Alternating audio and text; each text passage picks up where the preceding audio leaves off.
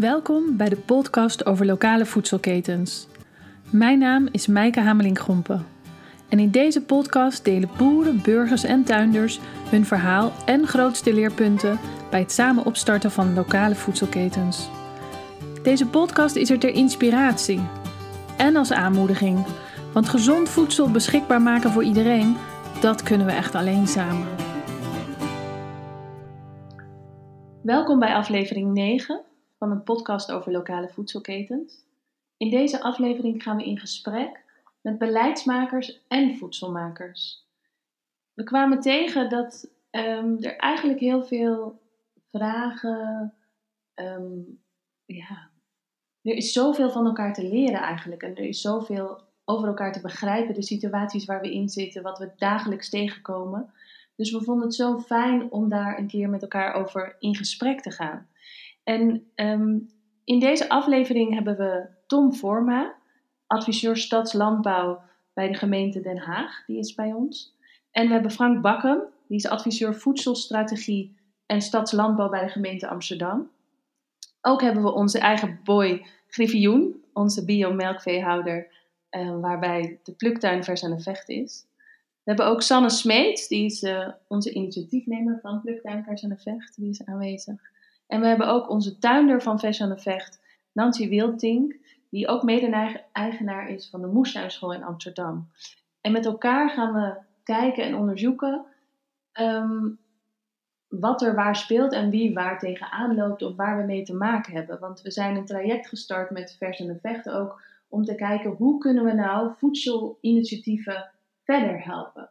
En vanuit een eerste ontmoeting daarbij um, kwam ook naar voren dat juist ook bij beleidsmakers of bij gemeenten, dat daar ook van alles speelt. En Frank, als je het goed vindt, wil ik graag bij jou beginnen.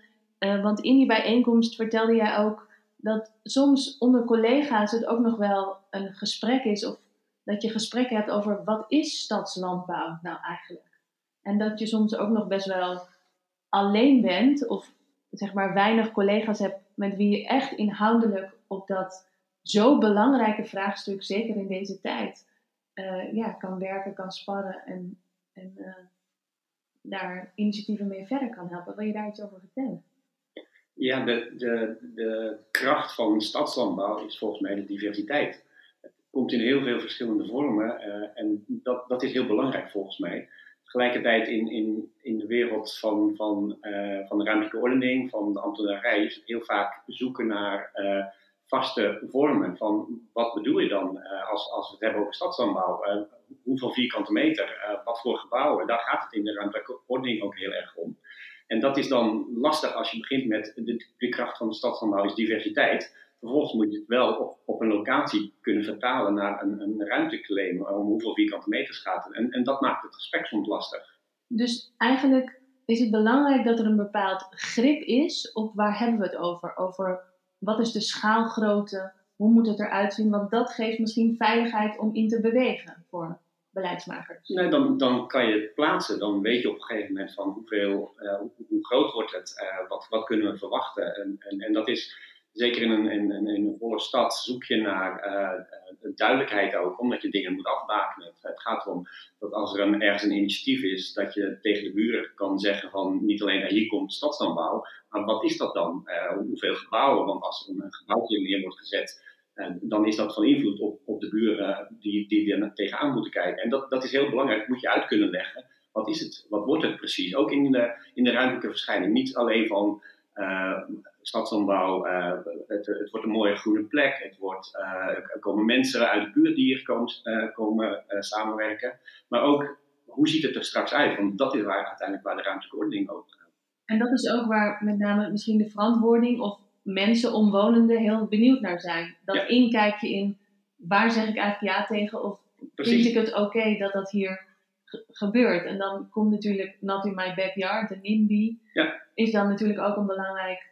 Ja, nee, precies. Dat speelt heel erg natuurlijk. Mensen willen ook, vanuit de overheid willen we weten wat er gaat gebeuren. Maar ook, dat geldt ook voor, voor, de, voor, uh, de, voor de omwonenden. Ze willen weten wat er aan de, aan de hand is, wat er gaat gebeuren. En, en tot hoever iets gaat, gaat ontwikkelen als het duidelijk is, dan, dan weet je waar je ja op zegt. En dat geldt vanuit, vanuit de gemeente, maar het geldt ook voor de omwonenden. En hoe zou jij stadslandbouw uitleggen aan jouw collega's? Want ik hoorde ook wel geluiden bij die bijeenkomst, uh, die, waar toen heel veel diverse mensen waren van sommige mensen bij het woord stadslandbouw denken aan vertical farming en dat is het. Dus het is natuurlijk heel groot en breed, maar... Ja, ja. Nee, en zo zie ik het ook, want je noemt gelijk vertical farming. En ik, ik, ik vind dat ook dat, dat een belangrijke ontwikkeling is van, van, van stadslandbouw in Nederland en zeker ook mondiaal, als je ziet wat daar gebeurt, dan is dat een hele belangrijke ontwikkeling. Dus ik denk dat we daar ook uh, onze aandacht op moeten vestigen. Maar dat is van een hele andere orde dan een, dan een, een buurtmoestuin of een, een, een, CSA in, in tuin van West van, Amsterdam. Dat zijn hele verschillende vormen. Um, en om het uit te kunnen leggen, moet je volgens mij terug naar de plek zelf. Je hebt een plek en jezelf afvragen als, als, als gemeente, maar ook als initiatiefnemer, wat zou hier kunnen? Dat is volgens mij de, de, manier waarop je het in, in kan. Je begint, je hebt een plek en dan ga je kijken wat kan hier ruimtelijk, maar ook sociaal. Heb je inderdaad allerlei omwonenden die hier iets willen, uh, die hier iets kunnen ook. Als je, je bent ook afhankelijk van vrijwilligers. Dus dat is volgens mij hoe je het om kan draaien om het begrijpelijk te maken wat stadslandbouw kan zijn. Op die plek in de stad. Je hebt een bepaalde hoeveelheid ruimte en, en bepaalde wat je misschien wil, maar ook een, een sociale context. Dus dat, dat is volgens mij hoe je daarnaar kan kijken en hoe ik het uit kan leggen aan mijn collega's. Om, om, om uit te leggen wat, wat stadslandbouw op die plek zou kunnen zijn. En daarbij hoor ik, klinkt voor mij heel erg door, en, en dat komt ook uit uh, eerdere podcasts van mij echt veel naar voren, dat eigenlijk is het dus overal maatwerk. Dus we zoeken naar die kaders en tegelijkertijd is dat specifieke stukje weer zo ja, daar staan andere huizen omheen, daar wonen andere mensen. Dat gebied is weer zo anders. En heb je dus eigenlijk elk stukje apart te bekijken. Ja. En dan, als je, als je al zover met elkaar kan komen, dan krijg je natuurlijk nog wat voor regelpakket dans daar omheen.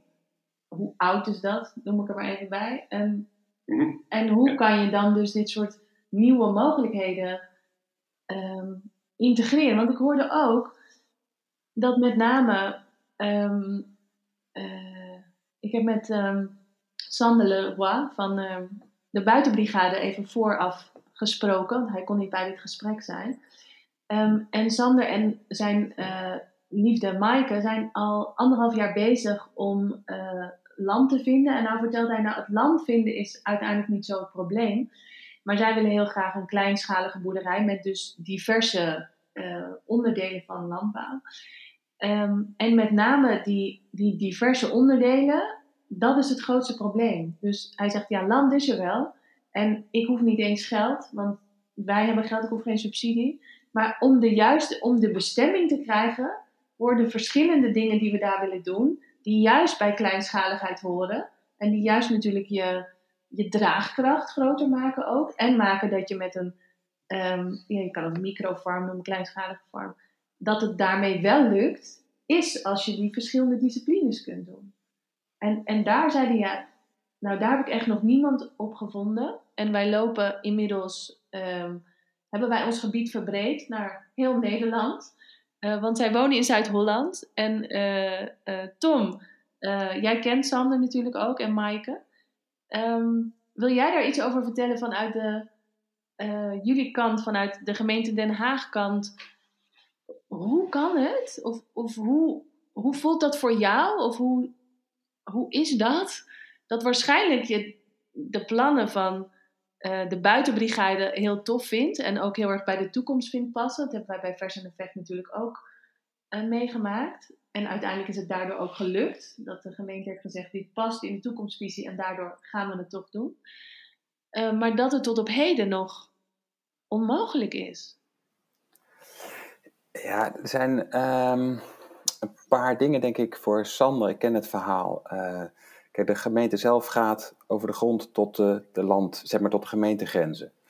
Uh, hij zoekt iets buiten de stad, dus in principe gaat dat niet over de gemeente. Maar ik denk dat er eh, in de basis is, zit iets heel herkenbaars. Want een van de valkuilen is, ik hoorde het net al gaan over het stukje land, hè, stadslandbouw. Maar soms is het ook gewoon uh, in, in de hoogte. Dus dan gaat het daar al minder om. Maar de basis is wel dat als je met zoiets bezig gaat uh, en je hebt verschillende onderdelen, en dat klinkt inderdaad gewoon als een heel goed plan van Sander.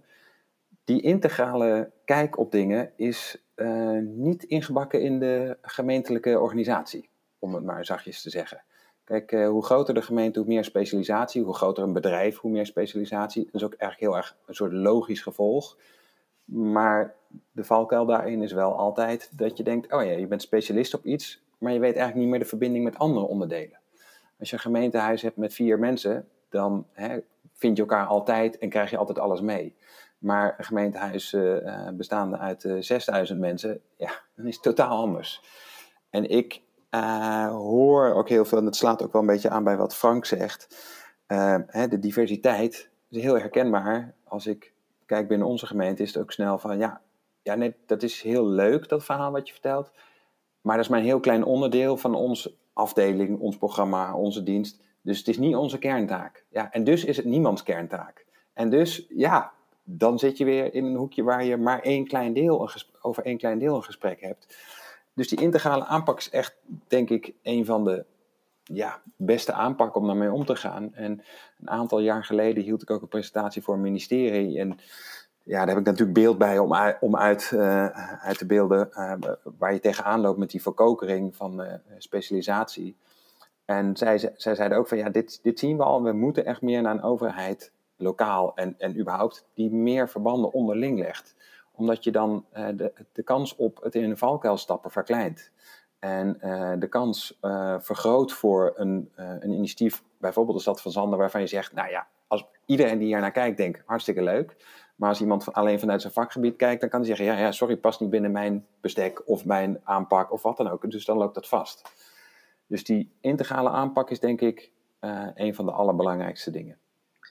En Tom, wat mij daar nou zo in opvalt, hè, want je kan het begrijpen in een groot apparaat, dus het is, um, het is niet dat ik het niet snap, maar we staan echt met elkaar voor een hele grote opgave.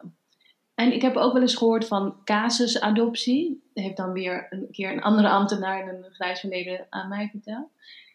Dat ik denk van, maar jongens, hoe kan dit eigenlijk nog steeds? En ook, hoe, hoe moeilijk is het nog leuk als ambtenaar als je op die manier ziet en voelt wat zo belangrijk is, maar ook die, die grenzen voelt dat je er niet doorkomt? Want dit is toch wat we zo nodig hebben met z'n allen?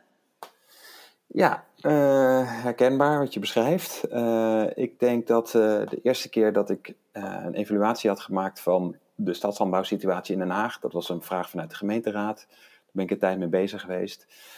Ik zelf wist het ook allemaal niet. Ik was wel aangesloten bij een buurtuin en we hadden vroeger ook wel een moestuin, maar ik zag ook nog niet alle opbrengsten die het met zich meebrengt. het heeft een tijdje nodig om het te gaan inzien.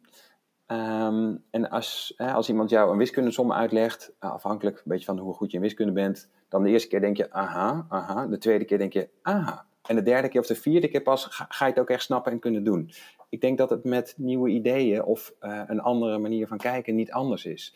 En dat is heel frustrerend. Uh, de eerste presentatie die ik hield, uh, dat was na een minuut. de persoon voor wie ik het hield was al op een ander stokpaardje verdwenen, zeg maar. Um, dus dat, maar ik ben wel gaan begrijpen van oké, het is menselijk. Hè? Als je werkt, iedereen heeft de druk, iedereen doet op zich zijn best. Dus je kan niet zomaar eigenaar worden van iets. En je wil wel luisteren en je bent misschien wel enthousiast, maar voordat jij er iets mee gaat doen, voordat er een samenwerking ontstaat, dan ben je gewoon een hele tijd verder. Dus dat is het menselijke deel van het werk. Uh, van, hoe, hoe, we houden wel rekening met een aantal procent ziekteverzuim, maar niet met een aantal procent innovatieruimte. Dus je zit helemaal vol met werk wanneer ga je dat wat jij hoort ook op kunnen pakken? Of als afdeling of als persoon. Dat is, dat is iets, en daarbij is een gemeente denk ik in principe gewoon reactief. Dus... Die vind ik heel mooi, Tom. Dat we hebben wel een paar procent ziekteverzuim, maar we hebben geen paar procent innovatieruimte. Wel bij grote bedrijven die durven te investeren, die gaan voor de, voor de knaken. Die weten inmiddels dat dat goed werkt. Dus bij Google of waar dan ook heb je zitzakruimtes, tafeltennis, je hebt van alles.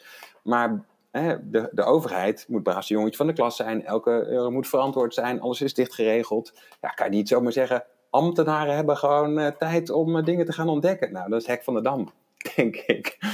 Maar ja. En uh, Tom, Frank wil hier graag op, op reageren. En daarna wil ik ook graag heel even naar Sanne, want dat is ook eigenlijk waarom wij deze deze aflevering van deze podcast beginnen en met elkaar onderzoeken van wat kunnen wij hier aan doen als voedselmakers? Hoe kunnen wij elkaar helpen en ook zorgen dat dus niet elke ambtenaar zijn hele eigen onderzoek hoeft te doen? Hoe kunnen we dat, ik wil niet zeggen versnellen, maar gewoon helpen? Faciliteren. Wat wilde jij? Nou ja, over uh, het vermogen voor, voor innovatie of voor het inspelen op nieuwe ontwikkelingen, die inderdaad heel erg nood, uh, noodzakelijk zijn om, om de dingen te, voor elkaar te krijgen die we willen. Uh, het is inderdaad, wat Tom zegt, gemeente is reactief. Je, je, kijkt naar wat er nu nodig is, je gaat bij iedereen langs wat, wat willen mensen nu, en dat leg je uiteindelijk vast in een bestemmingsplan. En een dag later komt er iemand met een briljant idee. En dat past dan niet meer in het bestemmingsplan. Dus je loopt eigenlijk met je bestemmingsplan altijd achter de, achter de ontwikkelingen aan. Ja. Dat, is, ja, dat, dat is hoe het is. Dat, dat kan je niet veranderen. Je kan wel iets van ruimte in een bestemmingsplan. Maar dat, dat is lastig, want mensen willen ook in zo'n bestemmingsplan de zekerheid hebben van wat komt er in, in mijn omgeving. Dus dat is wel wat erbij hoort. Als je dan vraagt van is het dan nog wel leuk? Uh, ja, wel degelijk is het leuk, omdat ik ook wel zie dat er wel degelijk ook innovatieruimte zit. Binnen de gemeente Amsterdam zie ik ook wel heel veel, en dat geldt denk ik voor allerlei grote steden, want uh, je ziet inderdaad die behoefte vanuit de maatschappij dat, dat er dingen anders gebeuren. En ik zie ook binnen de gemeente Amsterdam wel het vraagstuk van projecten die uh, niet in, in, in hokjes willen passen, maar heel breed met hun project bezig zijn. Dat ook daar is, er is vorig jaar gestart met een, een subsidieregeling, integraal maatschappelijk initiatief juist ook omdat, om projecten die heel breed zijn, die gaan over welzijn, over groen, over al die andere dingen, participatie, waar, waar dit soort projecten mee bezig zijn, om die te kunnen bedienen. Omdat we zagen dat het niet paste in onze regeling. Integraal maatschappelijk initiatief. Ja. Oké, schrijf mee hè, want dit zijn woorden die ambtenaren dus kennen. Dus als je iets nodig hebt, deze woorden schrijf je dan op en zeg je, ik heb een integraal maatschappelijk initiatief. Want dat Mm. woord kennen ze. Ja, de subsidieregeling was er wel, eh, de deadline was al over, zag ik. Dus ik heb er niet eh, voor ingeschreven. Oké, ja, ja. Dus ik ga wel voor volgend jaar, maar dit jaar was ik al te laat. En, en wat jij zegt van mensen willen ook graag weten waar ze aan toe zijn, of willen een, een, ehm, een soort van eh, veiligheid met wat er gaat gebeuren, of een, een zicht hebben op wat er gebeurt in hun omgeving door zo'n bestemmingsplan. En dan voel ik echt verwondering in mezelf. Ik snap dat. En dan denk ik, oké. En toch gebeuren er heel veel dingen in het leven die wij vooruit niet kunnen zien. Dus hoe kunnen we dan op een bepaalde manier vasthouden aan dat plan? Dit gaat over voedselzekerheid. En ik was dus met Sander Leroy in gesprek en toen zei hij ook: Dan kijk ik naar mijn tien maanden oude dochter. En dan denk ik: hoe kan ik die over 10 jaar, 15 jaar in de ogen kijken? Dat wij niet ehm, haar aarde stuk gemaakt hebben, of dat zij ook nog iets kan eten voor over 50 jaar. Zeg maar hoe.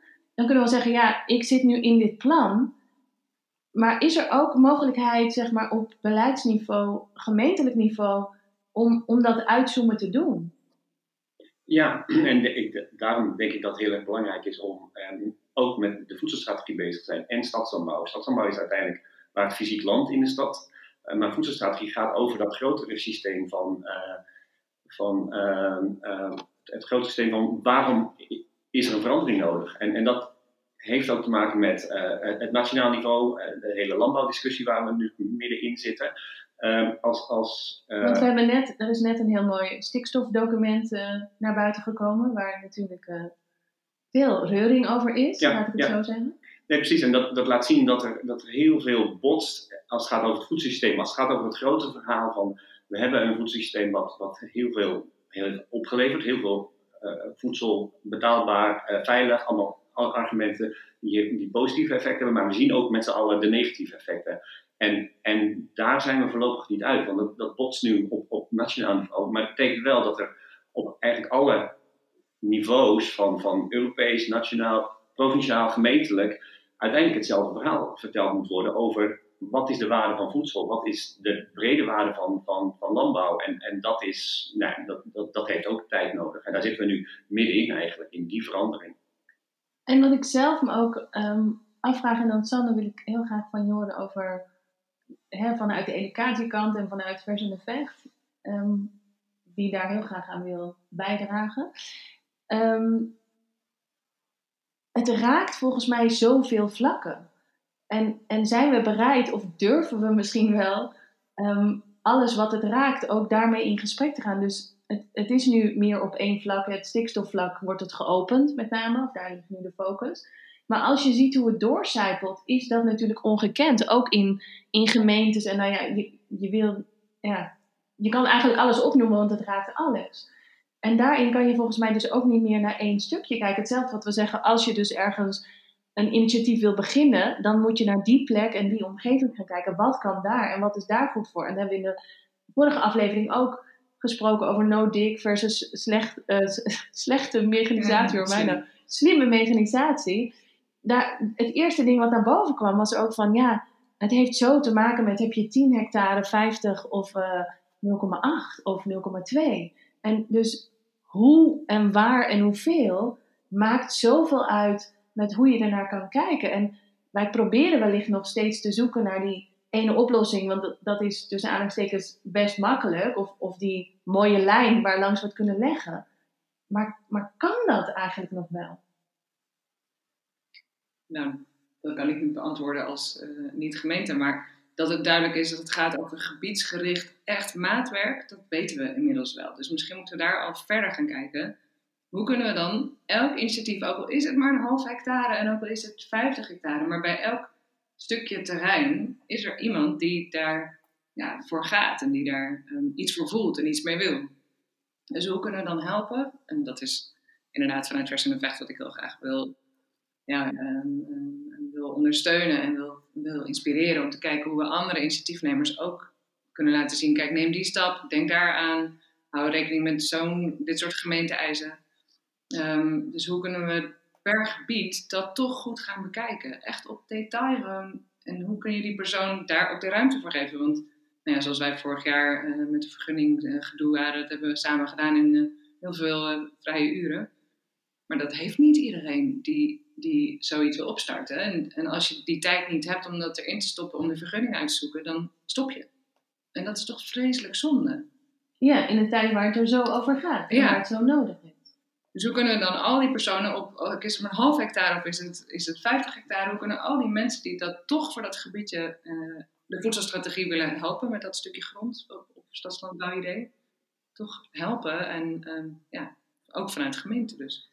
dus Tom en uh, Frank, misschien willen jullie daar zo ook op reageren. We hebben het ook met elkaar bij Vers en de Vechten in gesprek gehad van oké, um, kunnen we helpen bijvoorbeeld om de collega-beleidsmakers, waarvan jij ook Tom zei van ja, je hebt gewoon ook tijd nodig. Kunnen we die tijd versnellen tussen mm aanhalingstekens? Of dat persoonlijke gesprek op bijvoorbeeld zo'n deze manier zoals we dat nu doen, kunnen we dat gesprek alvast bij ze brengen? En, en door verschillende mensen te spreken van ja, wie moeten we dan spreken of wat zou helpen? Heb je daar. Uh, ja, ik, ik heb door de, uh, door de jaren, ik ken Frank al vanaf het begin, zeg maar, dat ik mee bezig ben, dat we elkaar spraken van hoe is het in Amsterdam en hoe is het in Den Haag. Oh, wat fijn. Uh, ja, um, een van de dingen is, ik, ik ben begonnen in een soort vacuüm van een tijdelijke aanstelling om iets, om iets uh, even in kaart te brengen. En ik heb dat weten uit te breiden door lobbyen en zo naar acht jaar lang dit doen. Um, maar dat is wel vrij uniek, dat je eigenlijk je eigen functie creëert. Want dat is eigenlijk wat het is. En voor de rest, ja, wat ik al zei, de meeste, meeste banen zijn gewoon dicht uh, gekaderd met wat jij gaat doen. En uh, deze baan bestaat verder niet zo op heel, heel veel plekken. Dus als een voordeel. Daardoor kan ik veel tijd besteden aan het in kaart brengen, constant duidelijker maken waarom alles met al die dingen met elkaar te maken hebben. Want ik heb ook al vaker gehoord, ja nee, dat moet je er niet ook nog bij doen. Terwijl, wat Frank zei, het heeft gewoon met van alles te maken. Hè, wat jullie ook al zeggen.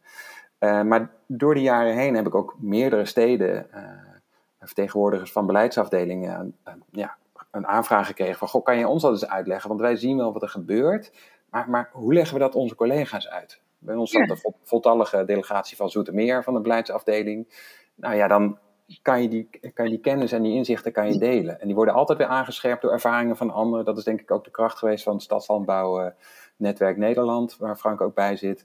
Vooral dat je leert van elkaar. Um, en een aan, gewoon als, je, als ik bijvoorbeeld met die ervaring iemand anders kan meenemen en zeggen, joh, je kan eh, die dienst kan je vertellen dat het hier mee te maken heeft en die daar, hè, stedelijke ontwikkeling, klimaatadaptatie, uh, participatie, het laten ontstaan van meer sociale cohesie in een wijk, dan kan je dat uitleggen. En een volgende hoeft dat niet allemaal zelf te ontdekken, maar die kan denken, ah ja, snap ik het en kan ik het zelf voelen, dan kan, ik, kan je het ook veel sneller uh, doorgeven aan een ander. Dat is eigenlijk ook altijd een van de tips die, uh, jij maakt zo net de opmerking, jongens schrijf mee, want dit zijn termen die de gemeente begrijpt. Ik adviseer dus uh, buurtinitiatieven, lokale initiatieven, maar ook mensen als Sander. Het eerste wat ik zeg is probeer niet met de gemeente aan tafel tegenover elkaar te zitten, maar naast elkaar. Dat je zegt van goh, hè, je kan zeggen van wij vinden, ik zie het natuurlijk wel eens op papier, wij vinden dat de gemeente dit niet goed doet en dat niet enzovoort. Maar je kan ook zeggen, hé, hey, wij zien dat de gemeente probeert dit te bereiken. En hoe en, en welke mate kan je dan het jouwe van vinden, dat maakt niet uit. Maar je kan wel zeggen, joh, ik zie dat jullie dit proberen te bereiken. Nou, ik ook. Dus hoe kunnen we dat samen doen? En als jij leert kijken uh, op de manier zoals jouw gesprekspartner er naar dingen kijkt, dan gaat je gesprek natuurlijk veel soepeler. Plus je kan veel meer bereiken van wat je wil bereiken. Uh, en dan, vergunningen ook bij jullie aan tafel? Um, vergunningen, nou ja, dat, het heeft ook weer met verschillende diensten en verschillende soorten vergunningen te maken natuurlijk. Dus ik probeer, uh, zeg maar de eerste paar jaar heb ik uh, een paar honderd gesprekken gevoerd met zoveel mogelijk mensen van zoveel mogelijk diensten om die organisatie te leren kennen. En om ook te vragen van, goh, als ik een vraag heb, met welke soort vragen kan ik bij jou terecht? Vragen van inwoners. Dus probeer dat te verbinden. En we hebben inmiddels ook een uh, duurzaam initiatievenoverleg in de gemeente, waarbij we hebben een wethouder die zet heel erg in op duurzame energie. Dat is hartstikke goed. Uh, maar de, de kans is dat je andere initiatieven vergeet die ook heel erg met duurzaamheid te maken hebben. Want voedsel... ook zo'n zo'n woord, Tom, dat je dus kan vragen van, oké, hebben jullie een duurzame initiatievenoverleg? Dat vind ja. ik ook goed. Schrijf even mee. Dat, dat is, hebben, hebben we ook maar gewoon bedacht als hè, collega's die elkaar ontmoeten. Maar uh, kijk, ik denk dat spaarlampen, isolatie, dat kennen mensen al jaren nu. Dat is wel vertrouwd. Maar je te bedenken dat uh, ons heel, hele voedselsysteem, ja, ik, ik, even wat ik hoor en heb gehoord, een derde uitmaakt van onze totale energieverbruik en uh, et cetera, grondstoffenverbruik, water. Vanochtend stond nog een, stuk uh, in het AD over het gebruik van water, zeewierproductie enzovoort. Daar zijn veel mensen nog niet echt helemaal bij, dat, bij dat besef dat dat zo is. Dus het wordt nog heel vaak afgedaan als voedsel. Nou, dat gaat niet over duurzaamheid, want elektriciteit en isolatie gaat over duurzaamheid. Maar het is wel goed te zien dat het wel uh, ermee te maken heeft. En dat stadslandbouw, hey, we hebben het over soms uh, die hectares, dat gaat echt over productie. En dat mensen het kunnen zien en ontmoeten. Maar je kan het ook over een stukje van 10 bij 10 hebben of 5 bij 5. Dan gaat het heel erg over in contact komen met voedsel. Wat is voedsel eigenlijk waard? Hoe, hoe, wat er is allemaal moeten gebeuren om het op je bord te laten komen? Daar gaat natuurlijk, je kan kiezen voor een hele lange keten of met heel onduurzaam uh, teeltmanier. Maar je kan ook via die ontmoeting met die groente bij jou op die vierkante meter op de hoek kunnen gaan denken langzaamaan van hé, hey, waar komt het vandaan? Wat is er nodig voor geweest? En hoe doen we dat eigenlijk? En dan is het, is het echt, als, echt als een middel. Ja, dus eigenlijk hebben we gewoon mensen als voedselmakers, mensen in de gemeente, dus gewoon nog heel erg mee te nemen in de urgentie van wat er speelt. Dat is wat ik begrijp. En de diversiteit aan opbrengsten. Ja. En dan dat zie is enorm. Als uh, daar nog werd de weg, maar zeker ook als uh, pionier met de moestuinschool in Amsterdam. Wil je iets delen over jouw ervaring en, en waar jij, wat heb jij meegemaakt en wat zijn jouw vragen aan Het sluit eigenlijk heel mooi aan op wat Tom uh, net zei, want het omgekeerde is namelijk ook waar, dat in de stad heel veel mensen wonen die geen idee hebben. Dus die kopen een zakje wortelzaad, die, die knikkeren dat in één potje en die zijn dan heel verbaasd dat dat geen prachtige rode, uh, oranje bolletjes worden. En sommigen die weten niet eens dat ze onder de grond groeien. Dus zo heftig is het. Zo ver staan mensen van het voedsel af. Okay. En we hadden vallen gisteren nog een bijeenkomst over uh, balkonmoestuinieren. Dan proberen we in twee uur te proppen hoe je een, uh, kan eten van je eigen balkon. Maar mensen beginnen echt zo, die beginnen niet op nul, maar op min 10 met hun kennis. Uh, dus uh, ja, je, je, je, doet je best. Je plukt een uh, plantje van de Jumbo uit elkaar in kleine plukjes en zegt: als je deze nou in een grote pot zet, dan wordt het een veel grotere plant. En dat is een hele mooie manier om toch een beetje opbrengst te hebben van je balkon. Maar ja, daar, daar hebben wij ons op een gegeven moment op gestort. Op het, en dat is eigenlijk ook hier bij Vers aan Vecht. er was aan het begin heel erg een wens om educatie te doen en veel met de kinderen. Ik zei: begin nou eerst eens gewoon de mensen die hier komen afnemen, uh, mee te nemen in. En we moeten echt bordjes zetten bij de verschillende grond, groentes van dit is koolrabi. Want geen mens die het anders weet, als je alleen een vlaggetje neerzet, dan uh, denken ze van ja, nou, dit ken ik niet, dus laat maar zitten. En dan, dan, uh, dan, dan stoppen ze van, oh, koolrabi vind ik lekker, maar ik ken het niet zo als een plant met wortels die de grond ingaat. Dat is allemaal keurig afgesneden, ligt in een bakje. Ja. En dan heb je daarnaast een grote groep mensen, waar jullie het ook al allebei over hadden, die eh, zeggen: Leuk jullie met jullie idealisme. Maar eh, wij halen onze groenten wel in de supermarkt. En die zijn nog helemaal niet waar wij aan tafel zijn. Van dit is een toekomstprobleem en daar moeten we iets mee. Nee, er ligt, alles ligt toch in de supermarkt. Waarom ga je nou zo eh, onze grond, waar we ook met een hond zouden kunnen lopen, gebruiken? Want de stad is natuurlijk heel veel mensen die willen allemaal dat groen gebruiken.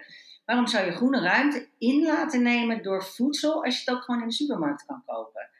Uh, dus nou ja, wij, wij proberen met de moestuinschool een, een kleine brigade van uh, eh, 36 tot 40 mensen per jaar.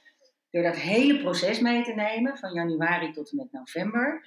Wat er allemaal nodig is om groenten uit je eigen tuin te eten. En dat is zowel leren ze ineens, en dat zegt bijna iedereen, anders koken, anders denken van, oh, er is nu heel veel courgette, dus ik moet nu als een speer twintig verschillende courgette recepten gaan verzinnen, anders dan wordt het buitengewoon saai. Ehm, maar dat hadden ze nog nooit gedaan. Ze hadden nog nooit nagedacht van, oh, ik heb drie verschillende groentes. Uh, nou, dan kan ik misschien ook één uh, gerecht meemaken. Dus dat, dat hoort er ook helemaal bij. En de meeste mensen vinden dat al veel te veel moeite. Laat staan dat je het ook nog zelf loopt te wieden en te schoffelen en water loopt te geven. Dus wij hopen die brigade als een soort, ja, we noemen dat steeds het ripple effect van onze tuin. Uh, we zitten ook precies achter Centraal Station in uh, Amsterdam door een wonder. Um, uh, ja, dat dat als het ware een steentje is in die vijver van Amsterdam. En net zoals de grachten een soort ripple effect krijgt. Maar ja, ook wij hebben te maken met gemeentelijke regels. Dus we hebben nu alweer gehoord, nee, je moet het doen voor buurtbewoners. Jullie mogen alleen werken met mensen van de vier buurten die precies om dat stukje heen zitten. Dus nou ja, weg ripple effect. Want eh, de mensen die veel bij ons komen zijn mensen uit het centrum, maar ook uit West en uit Zuid. En zelfs iemand uit Amstelveen. Ja, nee, het is wel echt de bedoeling dat alles wat er op dit veld gebeurt voor buurtbewoners is. Nou ja, dus dan. Ja, dan uh, doen wij, wij doen meestal een beetje, uh, dat is ook heel erg mijn stijl ja, gewoon de guerrilla-tactiek. Van nou, we gaan gewoon lekker door zoals we zelf goed vinden. En als we echt moeten stoppen, dan horen we het wel. Uh, maar dat is wel lastig. En, en, jij vertelde ook, nou dat eigenlijk dit een soort van waardeloos stuk grond was. En dat lag een beetje zo bij. Kan je vertellen hoe, hoe dat ging? Want ik vind dat ook heel tof. Dat, hebben we het weer over de moestuinschool. Want dit is prachtige grond, hè boy. Dit is echt de mooiste grond in de buurt. Met klei en veen en alles erop en eraan. Uh, het verschil is groot. Uh, het enige goede aan die grond daar is dat het grond was die was aangebracht na het aanleg van de uh, Noord-Zuidlijn. Dus er waren gewoon vrachtwagens, een stuk of honderd, die daar grond uit de grondbank van Amsterdam hadden neergeplemd. Allemaal restjes grond. daar vind je ook altijd de grappigste dingen in. Uh, maar één ding is dat die grondbank die, uh, controleert wel op veiligheid sinds een aantal jaren. Dus dat was allemaal uh, zeg maar goedgekeurde grond waarop je veilig voedsel kan verbouwen. het was wel bijna gewoon echt wit zand.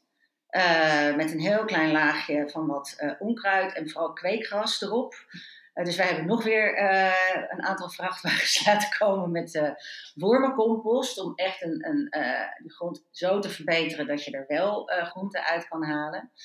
Maar dat um, was daar gewoon. Zag je dat stukje en dachten jullie hier gaan we moestuin? Nou ja, Michel, die hier ook tuinder is, en ikzelf hadden de Warme Hof gedaan. We zijn een soort tweede kanstuinders, want we zijn al wat ouder allebei. En we hadden dat stuk gewoon tegenover ons huis liggen. Wij wonen allebei tegenover dat bouwterrein. En dat was van de provincie, nooit van de gemeente geweest. Dus de gemeente had het ook nog niet op een plan staan van oké, dit gebruiken we tijdelijk als bouwterrein, maar daarna is het weer, uh, gaan we weer door met plan X. Dat, dat plan X moest nog helemaal gemaakt worden. Dus wij hebben vooral geroepen, geef ons tijdelijk die plek. Ja. En uh, nou ja, er kwam eerst een tijdelijk project voor twee jaar, waarvan één jaar volledig opgegaan is aan het vergunningentraject. Uh, toen dachten we van gaan we het nog doen voor één jaar? Nou ja, we hadden even niks anders, dus toen zijn we het toch maar gaan doen voor een jaar. In dat jaar kregen we te horen, het kan nog een jaar. Uh, in dat jaar kregen we te horen van, ja eigenlijk, maar gewoon puur doordat het metrostation daar niet doorging, uh, willen we het voor vijf tot tien jaar, kunnen we het nu wel bestemmen als groen blijvend. Dus we hebben gewoon ontzettend, daarom zeg ik steeds, het is door een wonder. We hebben ontzettend veel geluk daarmee gehad. Want omdat wij er al zitten, eh, kunnen ze niet zeggen van ja, maar jullie zijn niet alleen maar voor de buurt bezig. We Dus- zitten er al. Dus de bestemming is groen blijvend en dan kan stadslandbouw wel. Nog niet per se, nee, nee, nee. Want dan eh, met alle nieuwe participatieregels die ik ook nog niet ken, moet de hele buurt het er dan mee eens zijn wat daar gaat gebeuren. Maar het is nog tijdelijk. Dus bij tijdelijk is die participatie iets makkelijker, geloof ik. Maar dat weten de heren eh, beter.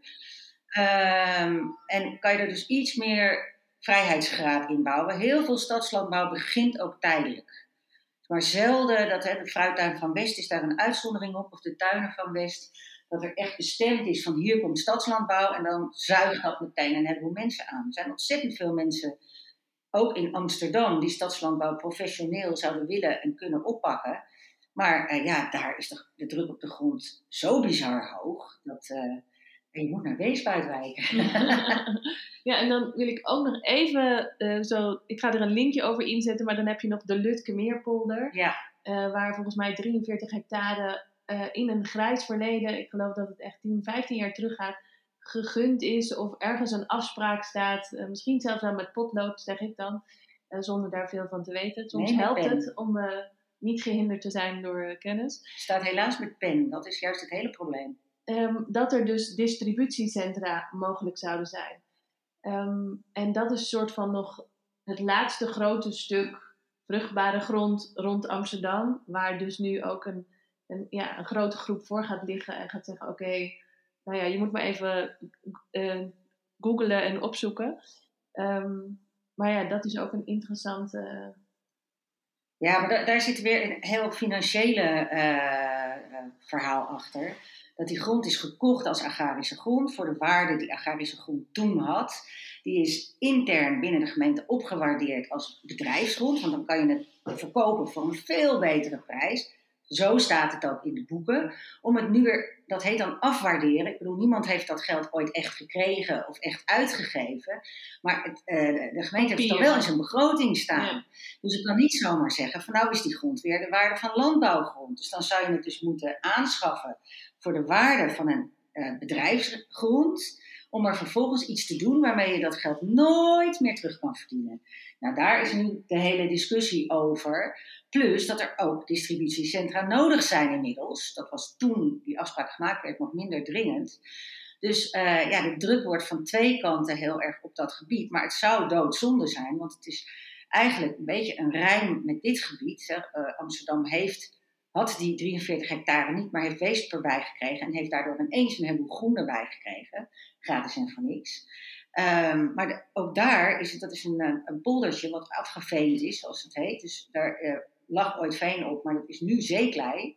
En zeeklei is gewoon hele goede grond om eh, op te verbouwen. En daar is ook een boerderij op die al jaren biologisch dat doet, de boterbloem.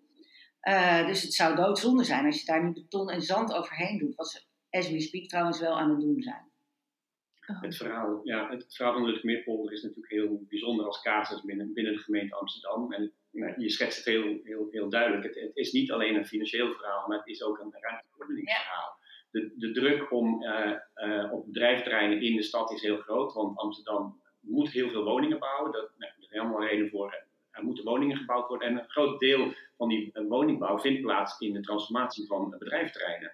Dus er zijn heel veel bedrijven die in, meer centraal liggen, die uitgeplaatst moeten worden. En Amsterdam kan niet blijven zeggen van, nou, ga maar naar de regio, want het heeft ook op het gebied van bedrijventerreinen een, een verantwoordelijkheid. En, en dat is de reden waarom de Lutkemeerpolder als, eh, als bedrijventerrein eh, eh, in het bestemmingsplan staat al eh, een groot aantal jaren. En dat is waaraan vastgehouden wordt. Dus het is niet een- alleen een financieel verhaal, het is ook een ruimtelijk ordeningsverhaal. En, en ehm, nee, het plan ligt er natuurlijk. Tegelijkertijd, het is onderdeel van de tuinen van West. En er zijn best veel kavels eromheen of, of die, die nog wel voor stadsaanbouw in aanmerking komen. Dus het is niet dat deze plek of dit plan het enige plan is wat daar zou kunnen. Dus dat is, maar dat vind ik zou een interessant gesprek moeten zijn van waar we ieder over hadden. Van je moet naar de plek kijken van wat kan er op deze plek. En, en volgens mij is dat het interessante gesprek dat we moeten met elkaar gaan, gaan voeren over de Lutkemeerpolder. Wat kan er wel op deze plek? En volgens mij is daarin ook, persoonlijk denk ik heel belangrijk, eh, om echt ver in de tijd te kijken. En om ook echt die klimaateffecten mee te wegen. Want in een stad wonen ook heel veel mensen. En hoe ga je die voeden als dat niet meer van, van verder weg kan komen? Dus volgens mij is het ook echt belangrijk om, en dat is volgens mij ook moeilijk in, in het gemeentelijke apparaat, omdat er natuurlijk toch, ja, elke vier jaar zit er weer een andere groep, om zo maar even te zeggen. Hoe kan je echt die lange termijn focus met Nou ja. elkaar houden en, Nou, en daar de beste beslissingen in nemen? Het gaat veel sneller. Ik denk dat we dat als we niet heel snel eh, die plannen gaan maken, dat alle de tijd ons helemaal inhaalt. Er zijn nu stikstofplannen neergelegd. We hebben zeven, in zeven jaar gaat het hele gebied om Amsterdam heen, alle veenweidegebied, alle transitiegebied, gaat qua ruimtelijke ordening volledig veranderen. Dat, dat is nodig als je deze plannen wil mo- ontmoeten, zeg maar. Nou, er staat 47% stikstofreductie. Dus dat betekent alle eh, veehouderijbedrijven gaan enorm extensiveren. En eh, hoogstwaarschijnlijk zijn er een heel aantal bedrijven die dat niet meer kunnen bolwerken. En komt er grond in handen van investeerders of boeren van verder weg. Ik denk als je nu geen visie hebt over het landelijk gebied, dat je eigenlijk al te laat bent. Want als je, als je niet eh, nu al eh, een toekomstvisie voor dat gebied hebt, ja, dan gaan er allemaal dingen gebeuren. Dan gaan mensen aan je trekken voor zonnepanelen, dan gaan mensen aan je trekken voor weet ik veel wat. Maar eh, hoogstwaarschijnlijk niet wat je er echt mee wil. Of tenminste, ik ga ervan uit dat de gemeente er iets mee wil. Er is een voedselstrategie, er is een, een wens vanuit de mensen om te recreëren. Gezond voedsel lijkt me ook belangrijk. Nou ja, als, het, he- als er nu het moment is dat het hele landelijk gebied op de kop gaat, dan moet er toch iemand een beetje sturen. Hoop, Ja. hoop ik dan. En ik weet ook nog dat jij zei eh, toen ehm, Boy is de Boer eh, van de Groene Griffioen en ook waar dus de pluktuin vers en de vecht is. En dat jij zei destijds toen het over ging of de, dat vooral de, de omgeving reageerde over van ja, maar ik heb eigenlijk recht om uit te kijken op een weiland en een slootje en een koel. Dat, dat zo is de bestemmingsplan. En dat je zei, nou, toen zei jij al, wacht maar, als dat hele stikstofverhaal komt, dan, dan zou je willen dat het hier vol palmkolen stond. Want dan kijk je tegen windmolens en, en weet ik wel wat er allemaal gaat komen als we dat überhaupt willen halen. Nou ja, de, de, het landelijk gebied gaat ingrijpend veranderen met deze eh, doelstellingen. Ehm, ja, ik weet niet hoezeer ze in steen gebeiteld zijn en in hoeverre mensen toch gaan terugkrabbelen, want dat zal onherroepelijk gebeuren. Maar dat er eh, grote dingen gaan veranderen, dat is eigenlijk al jaren duidelijk. En ik denk dat, eh, dat het belangrijk is om, om met een voedselstrategie, een natuurstrategie en een recreatiestrategie goed naar dat gebied te kijken om het mooi te laten worden in plaats Ja. van lelijk. Ja, en, en misschien een soort van leefbaar en voorzienend met elkaar. Juist. En voor de toekomst. Ja, dat lijkt me heel belangrijk. Want eh, ik zie nu al gebeuren dat, dat eh, melkveehouders die eigenlijk historisch gezien dit, dit gebied beheren, eh, voor een heel aantal oud worden, er ook wat minder zin in hebben met al, de, al het gedoe wat er nu gaande is. Ehm, ja, als die ermee stoppen, dan is de, ja, de lokale binding is een beetje weg. En dan gaan mensen hier ook met mestkarren eh, naartoe rijden en met eh, vrachten gras weer weg. Maar dan eh, verdwijnt de ziel wel uit het gebied. En ik denk ja, dat we met andere voedsel, voedselproductie, niet alleen melkveehouderij, als die in de bestemming zouden passen, dat je veel meer eh, lokale binding met het gebied ook hebt. En dat ook het onderhoud van het gebied veel makkelijker te organiseren is. Dan kun je eh, natuur, eh, voedselbossen, groentetuinen, kun je integreren in zo'n gebied. En dan zal de rest van het gebied ook veel makkelijker toegankelijk zijn, omdat het lokale binding is. En dan hoef je dus niet een jaar te doen over vergunningaanvragen. Nou ja, dat, eh, als dat in de bestemmingsplannen al een beetje voorgesorteerd zou worden, eh, zou handig zijn. Ik bedoel, het is al een keer gebeurd met eh, Noord-Holland-Zuid. eh, werd gezien door de provincie als iets minder landbouw opbrengend gebied. En toen is er besloten van, nou ja, Het zuiden van Noord-Holland? Ja. Oké, ja. ja dus onder Amsterdam eigenlijk. Ja. Ehm, ja, daar, daar is landbouw niet zo winstgevend. We moeten die boeren de kans geven om er iets bij te verdienen. En toen is er eigenlijk in de structuurvisie en vervolgens in alle bestemmingsplannen, dat is eh, in de tijd van 15 jaar ongeveer gebeurd, is het mogelijk geworden om neventakken te ontwikkelen. En dat die neventakken die waren eigenlijk vrij nauw omschreven als eh, Paardenfokkerij. Camping waarschijnlijk. camping, paardrijderij, kinderdagverblijven, dat soort dingen. Maar eigenlijk dingen die met andere vormen van voedselproductie te maken hebben, die staan er eigenlijk structureel niet in. Bizar. heel bizar. En, maar ik denk, ja, eh, toen heeft er iemand met visie gezeten die dacht van, nou, we moeten iets voor die boeren gaan verzinnen. Eh, er zijn zelfs subsidiepotten voor geregeld en eh, heel veel boeren hebben daar echt goed gebruik van gemaakt. Waaronder wij ook, eh, onze neventakken zijn daar ook deels mee gefinancierd. En het is prachtig gelukt. Maar ik denk, ja, nu, nu gaat het landelijk gebied eh, weer een hele stap maken. Ik bedoel, 47% stikstofreductie eh, betekent 47% minder koeien. Hmm. Dat is echt wel heel anders dan dat het nu is. Hoe, hoe gaan we het nu inrichten? Ik denk dat er een hele grote vraag is. Mag ik, mag ik van deze hele grote vraag even heel terug naar een heel klein onderwerpje op het vlak waar we het over hebben, beleidsmakers, voedselmakers. En het kleine onderwerpje is een eh, praktijkvoorbeeld die ik net zelf heb meegemaakt. Ik wilde samen met Wendela van de Groene Griffioen een open dag organiseren. eh, voor volgende week vrijdag. En wij dachten, we willen zo graag weer breed iedereen uitnodigen op de boerderij. Van alle wijken om ons heen. Eh, om de boer-burgerverbinding weer, weer duidelijk te maken. En gewoon echt rondleidingen, workshops, heel laagdrempelig, heel gezellig bij elkaar. Meat en weed hadden we ook bedacht. Ja. Samen wieden. Waarom niet? eh, workshop boter maken, klein en, en voornamelijk ehm, verbindend. Dus Wendela en ik zijn het helemaal gaan uitzoeken. En zo kwamen, ja, voor zo'n dag moet je een uitnodiging sturen of een flyer maken, moet je even rondsturen. Toen kwamen we er in het vergunningsstapjes, ehm, die je dan in de checklist van gemeente Amsterdam van mij achter, dat je daar een vergunning voor moet aanvragen. Ook al zit je waarschijnlijk niet eens op de 150 mensen, maar je moet een vergunning aanvragen en dat moet 10 weken van tevoren. Nou, toen zag ik, moeten een beetje Ja, je kan het met een melding afdoen. hè. Nee. Ik ben heel goed Nee. in het eh, eh, omzeilen van de vergunning. Nee, geworden. was dus niet te melden. Maar hier kon het niet met een melding. Nee, omdat we dus 40, zouden gaan flyeren. Maar met 40 mensen mag je toch wel iets eh, organiseren? Ja, maar dus zelfs 150, dat is volgens mij de grens in de in gemeente Amsterdam. 150 mensen mag wel met een melding, maar niet als je gaat flyeren. Ah. Dus we mochten niet flyeren. Ja, Maar je mag wel zo- rondfluisteren zo naar Ja. elkaar. Dus we zijn gestopt daarmee en we doen dus geen open dag. Ja, ik vind dat dat soort dingen vind ik echt zo zonde. Daardoor dachten Wenda en ik, jemig, we hebben echt een plan, we regelen dit met boerderij en tuin samen. Maar, maar, maar.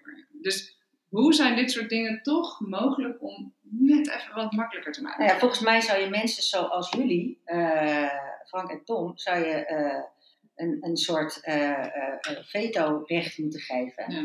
Dat als er iets op het gebied van stadslandbouw een snellere of afwijkende procedure in de vergunningen nodig heeft om het mogelijk te maken, dat, dat iemand van vergunningen niet die verantwoordelijkheid hoeft te nemen, want ik snap dat dat eigenlijk niet kan. Maar dat er gewoon een hogere persoon is of een andere afdeling is die kan zeggen, ja, in dit geval is een afwijking toegestaan. Want dit is dan nog een open dag. Maar wat ook heel vaak vergeten wordt, is als je iets met stadslandbouw wil wat te maken heeft met buitenteelt, eh, dan moet het gewoon eh, vanaf maart kunnen. En dan heb je niks aan een vergunning in september. Nee. Want dan eh, ja, begint net een beetje het winterseizoen en dan kun je misschien nog een hek plaatsen. Wij kregen dus uiteindelijk die eerste vergunning in november, hartstikke leuk. Voor de moestuinschool. Dat was de voorloper van de moestuinschool. Ja. Maar daar- daarmee was dus eigenlijk een heel jaar meteen verloren, want we konden toch pas in maart opstarten. Nou, ik, mag ik er iets over zeggen? Heel graag.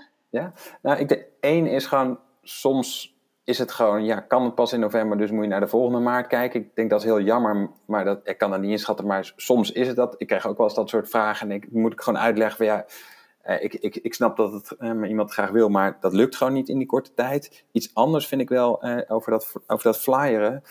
Ehm, eh, binnen de gemeente hebben we duurzaam initiatiefenoverleg opgericht, zoals ik net zei. En dat is bijvoorbeeld om dit soort vragen eh, dan met een aantal collega's te bespreken, die inderdaad voornamelijk, ik zelf dan niet, ik zit eigenlijk gewoon in de uitvoering, eh, maar die wel op een niveau zitten waar, waarvan ze kunnen zeggen, goh, inderdaad, wat jij zegt, iemand bij vergunningen moet gewoon, hè, is gewoon zijn opdracht, die moet dat lijstje afgaan en die moet gewoon zeggen, ja, wel of niet, die heeft niet de mogelijkheid om daarop in te grijpen. Maar als iemand van de beleidsafdeling die daar misschien net, net boven zit, dat hoort en zegt, jongens, nou, hè, als we naar kijken, iedereen zou dit moeten willen wat kunnen we wel doen? Dus in denken van niet van, ja, oh nee, check, check kan niet. Als van, van hey, klinkt logisch, zouden we moeten willen, hoe kunnen we het mogelijk maken? En dat zou, dat, dat zou fijn zijn als dat, dat soort dingen dan uh, makkelijker zouden worden. Zo is er in Den Haag ook uh, het Haagse initiatieventeam die dat voor initiatieven in de buitenruimte doen. En dan gaat het wat meer over ondernemers soms. En dan is stadslandbouw natuurlijk best wel lastig. Maar de intentie daarin is denk ik goed dat een aanvraag niet naar zes afdelingen gaat. Maar die zes afdelingen gaan samen aan tafel zitten en die luisteren. En in principe zo, nou ja, dit klinkt niet zo raar. Hoe kunnen we dat mogelijk maken? En soms dan nog kan dat niet, want soms moet er uh, een wet worden aangepast of een voorschrift of een regel. En daar zit gewoon een bepaalde termijn aan. Maar je, je vergroot de kans in ieder geval. Dus dat zou wel mooi zijn als dat misschien ook voor meer onderdelen er is. En voor dat toch wel meer mogelijk maakt. En als het dan niet kan, kan je het misschien ook beter uitleggen. En dan zal iemand ja, ik doe best wel veel uitlegwerk. Want ik, hè, de gemeente is ook degene die mij vorige week de boete gaf. Ja, had je daar niet moeten parkeren. Hè? Maar goed, zo wordt er ook wel gekeken naar de gemeente. En het is soms ook wel heel lastig als gemeente zijnde om, uh, om dat te voorkomen. Maar ik denk dat wel heel veel zit in op zijn minst praten met elkaar en uitleggen. En gewoon zeggen, joh, ik als persoon snap helemaal dat het hè, piep frustrerend is. Uh, maar kan je op zijn minst meenemen in hoe het hier gaat. Ik heb uh, ja, een zak met voorbeelden waarin je denkt van, van buitenaf niet te begrijpen. Ik zie het van binnen en ik vind het nog steeds frustreerd, maar ik kan in ieder geval begrijpen hoe het is gekomen. Tom, en zou dat ook iets zijn, als ik dit nu zo hoor, dan denk ik, zouden we ook zeg maar, de menselijkheid weer terug mogen uitnodigen in onze functie en in hoe we dingen doen?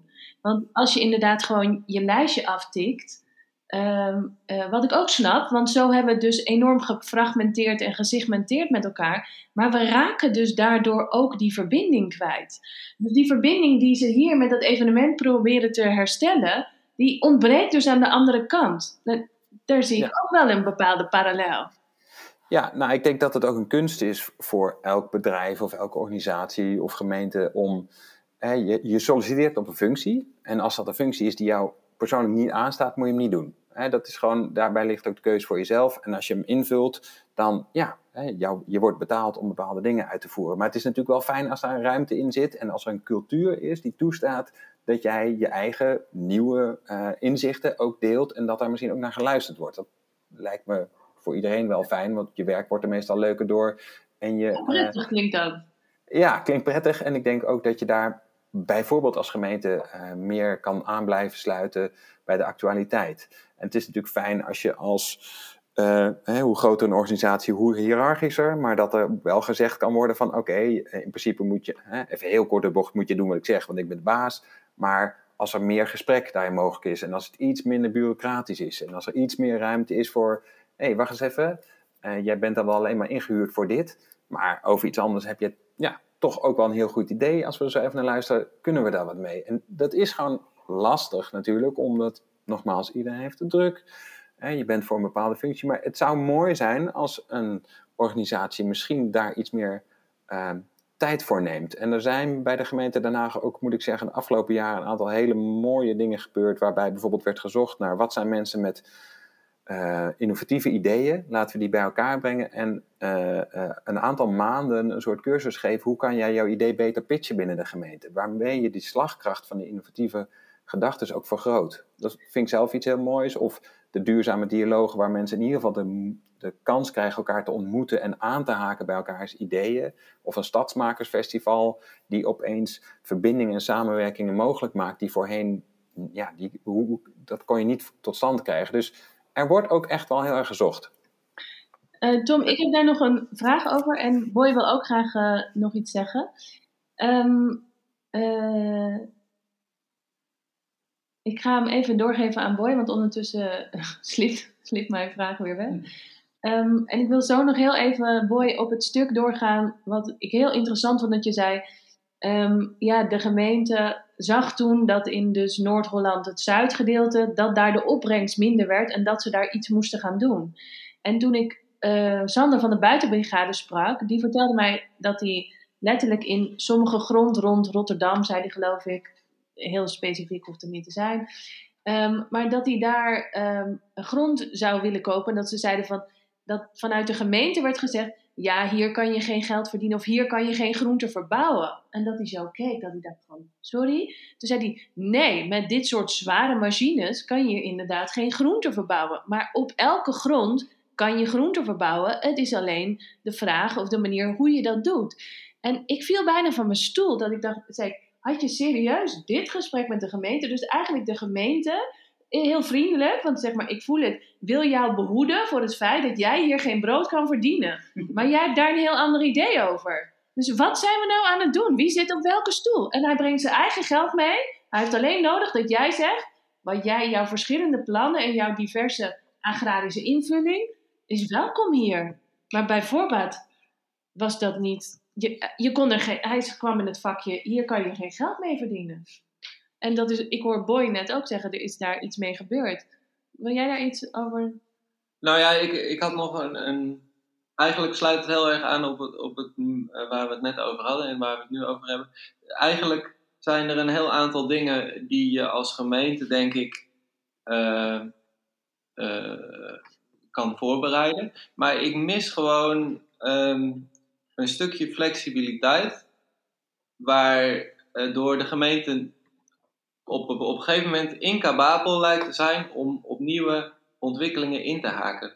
Je merkt het namelijk dat uh, in het geval van bijvoorbeeld Airbnb, uh, de fietsen en de scootertjes, die, uh, huurscootertjes die in de stad worden neergezet, ehm, de dark stores, uh, Wat is een dark store? Sorry. Een dark store, dat is een, een winkel die als soort mini-distributiecentrum is omgebouwd ah, ja. voor de gorilla's of uh, nou oh, ja, ja. al de bezorgdiensten. Waar je je boodschappen in 10 minuten thuis bezorgt. Juist, die. Ja. Oh, ja. Nou ja, al dat soort nieuwe ontwikkelingen, die uh, zijn,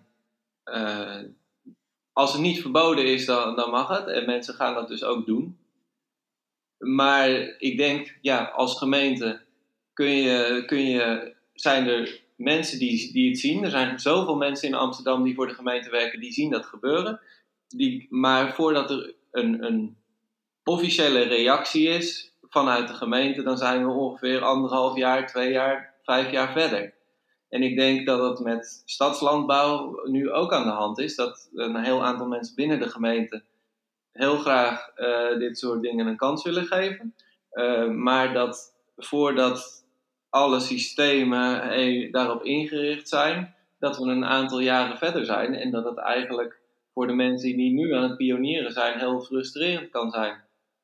Ja, en daarvan zei van de buitenbrigade zei Sander ook weer van ja, wij zijn ook oké met een tijdelijke vergunning, 10 jaar, 15 jaar, dat durven wij, kom maar door, als soort van oplossing. Maar zelfs daarin wordt dan gezegd van ja, maar ja, dan is het hek van de dam als we alles 10, 15 jaar goedkeuren. Ja. Dat is de bedoeling. nou ja, en die, die vertraging um, en die, die inflexibiliteit binnen de, de gemeente om daar uitzonderingen te mogen en kunnen maken uh, op basis van menselijke afwegingen, laat ik het zo zeggen. Uh, denk, ja, ik denk dat daar ruimte moet zijn. Ook binnen de gemeente om gewoon als uh, BNW en de raad te zeggen van ja, we, hebben, we staan dit normaal gesproken niet toe, maar ah, dit is best leuk, laten we het doen. Eigenlijk een soort uh, pioniersvergunning. Dat je gewoon een aparte vergunning hebt, die je aan kan vragen. Dan zeg ik, ik wil graag een pioniersvergunning aanvragen. Dat is nooit voor langer dan uh, pak een beetje 5 tot 10 jaar, afhankelijk van wat je wil. En dan kan ook nog eens een keer, als je je niet houdt aan afspraken of overlast veroorzaakt, kan er onderweg uh, spaken in je wiel gestoken worden. En als je dat risico durft te nemen, nou, dan uh, mag je met pioniersvergunning je gang gaan. Zo, zoiets, ik, ben geen vergunningen-specialist hoor, maar ik heb zelf altijd veel meer gehad aan het werken aan een warme band met de afdeling vergunningen in Amsterdam-Noord. Uh, tot op het punt dat we hadden een kerstbomenbos. En het bestaat niet meer, dus ik kan nu wel over de school komen. Maar die vergunning was ook altijd mega ingewikkeld. Want je kon een melding voor een dag krijgen, maar dat was altijd vier dagen nodig. Maar dan had ik zo mijn telefoonnummers bij de afdeling vergunningen. Zei ik van, ik weet niet hoe ik het moet regelen. Dat is altijd een goed begin. Uh, help mij uh, hoe we dit het beste kunnen doen. En dan ging hij mij vertellen van, ja, maar wat ben je eigenlijk aan het doen? Oh, dat en dat en dat. Nou, ik zeg het wel even tegen de buurtregisseur dat dit is natuurlijk gewoon prima. En dan verder kon ik het hele bureau vergunningen skippen. Niet eens, nee, doe maar geen melding, want dan moeten we dat weer gaan handhaven. Tegen de tijd dat die kerstbomen de grond uit zijn, dan uh, zijn de buren pas wakker. Dus uh, jij nou zorgt dat je een beetje vriendjes met die buren blijft, dan komt het allemaal goed. Het is wel spannend, maar het werkte fantastisch. Dus uh, het, het, kan wel, het, het informele. en Amsterdam-Noord is denk ik nog van ouds een, heeft een stadsdeelcultuur waarin dingen kunnen. Ik kan me voorstellen dat het in Weesp ook zo zou kunnen zijn.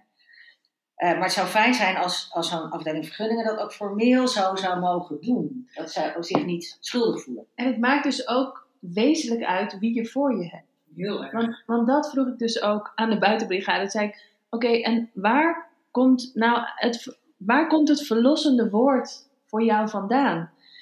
Um, dat jij dus een kleinschalige, diverse boerderij kan beginnen. En toen zei hij, ja, volgens mij toch echt van de gemeente.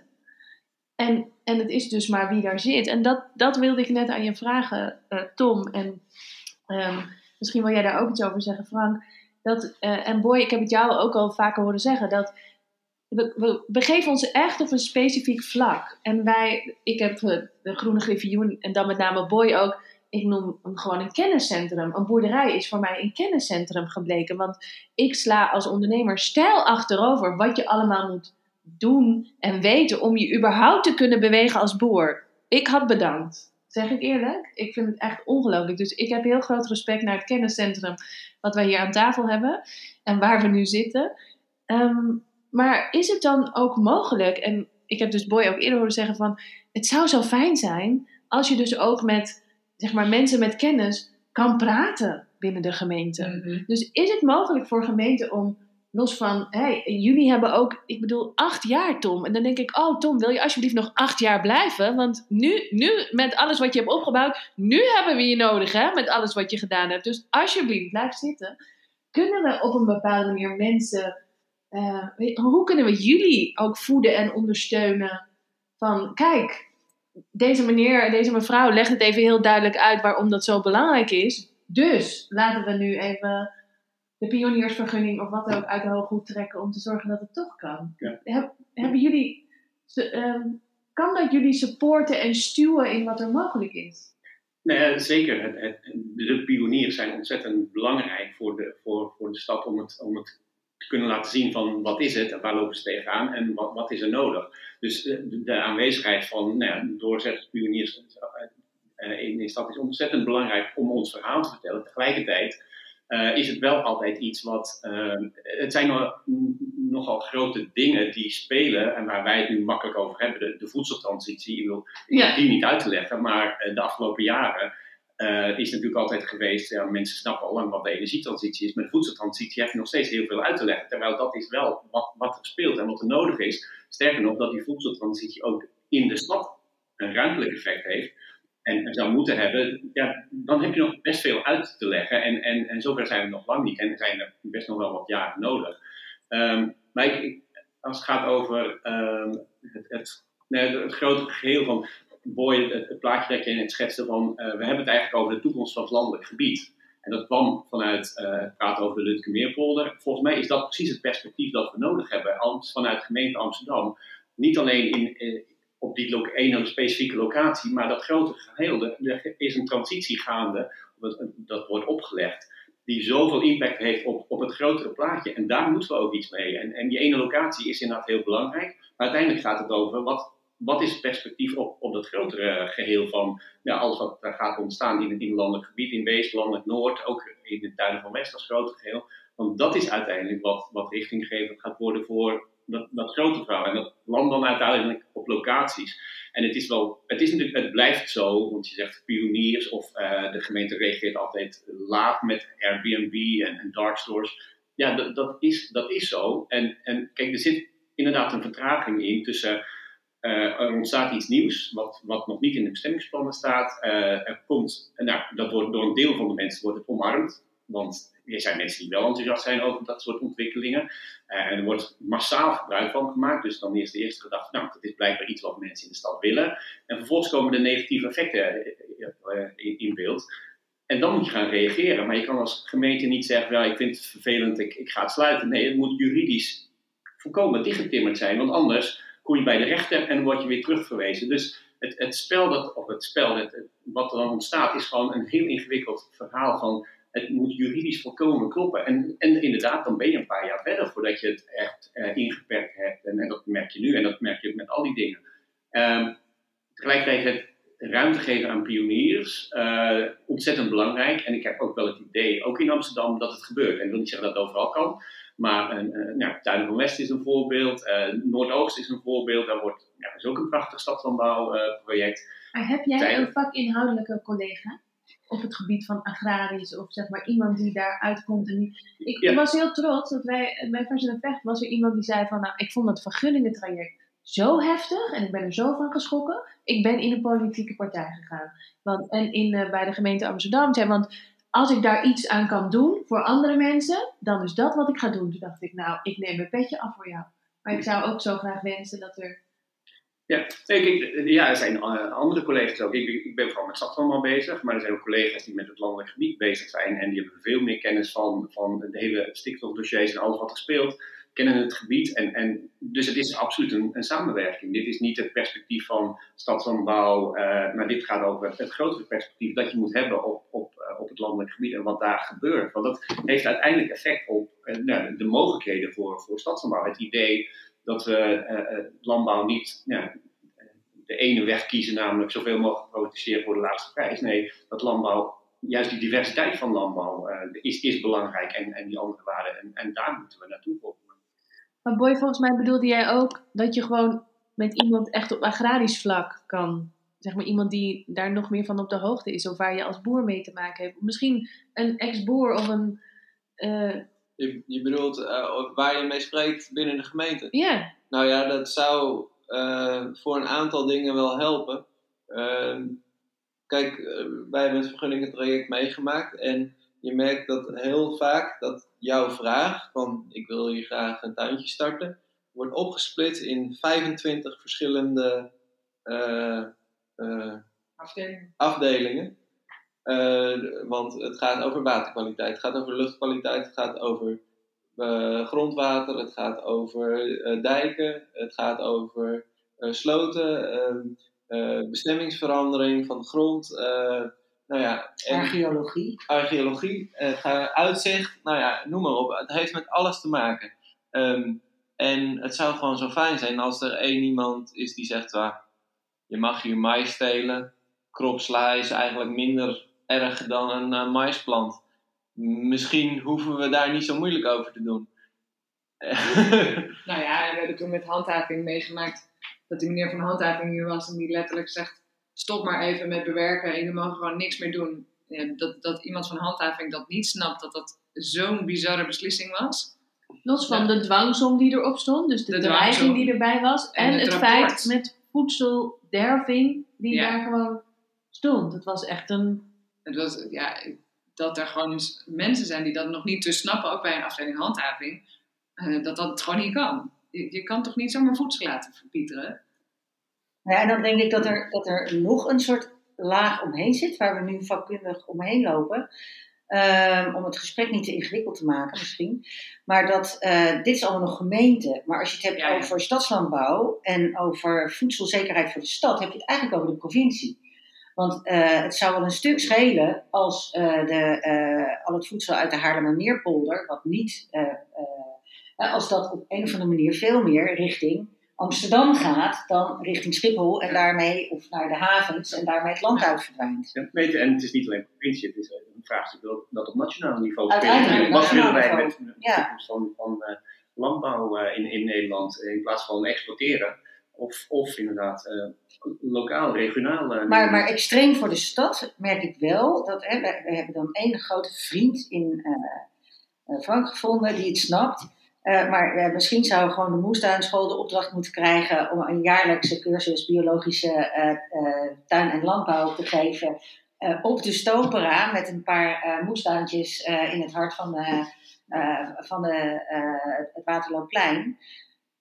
Om, om te snappen van over welk mechanisme gaat het hier. En één keer per jaar rondleiding hier op de tuin. Iedereen is welkom. Ja, Iedereen. dit ligt er al. Best De veel. hele gemeente. Ja, veel. Ja, dan doen we er een paar. Je Ja. moet wel op tijd een vergunning aanvragen.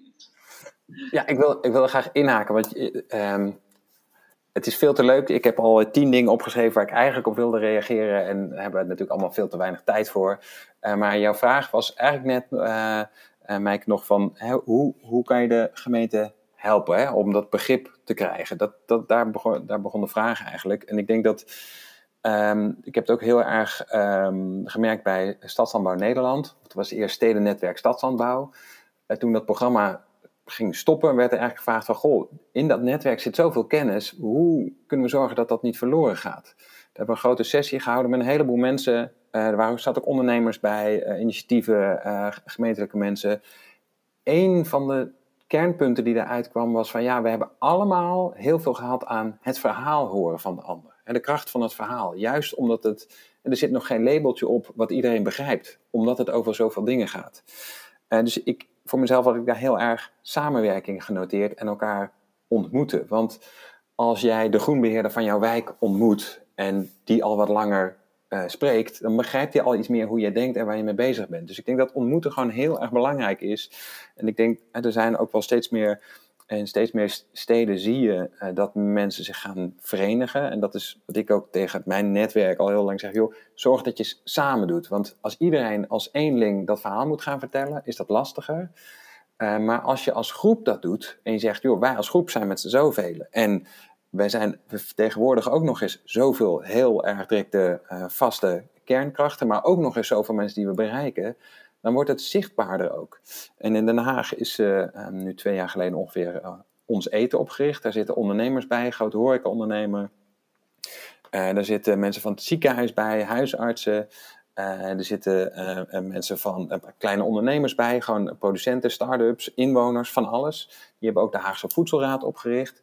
En die zeggen ook echt tegen de gemeente: joh, we willen met jullie praten. We gaan je niet zeggen wat je fout doet of goed moet doen, maar laten we gewoon samenwerken. En ik denk dat dat, ja, als dat overal meer zou gebeuren, en niet alleen per dienstonderwerp van hoe moeten we de buurt ontwikkelen, of, maar gewoon eens vanuit het onderwerp voedsel, omdat er zoveel uh, aan raakt.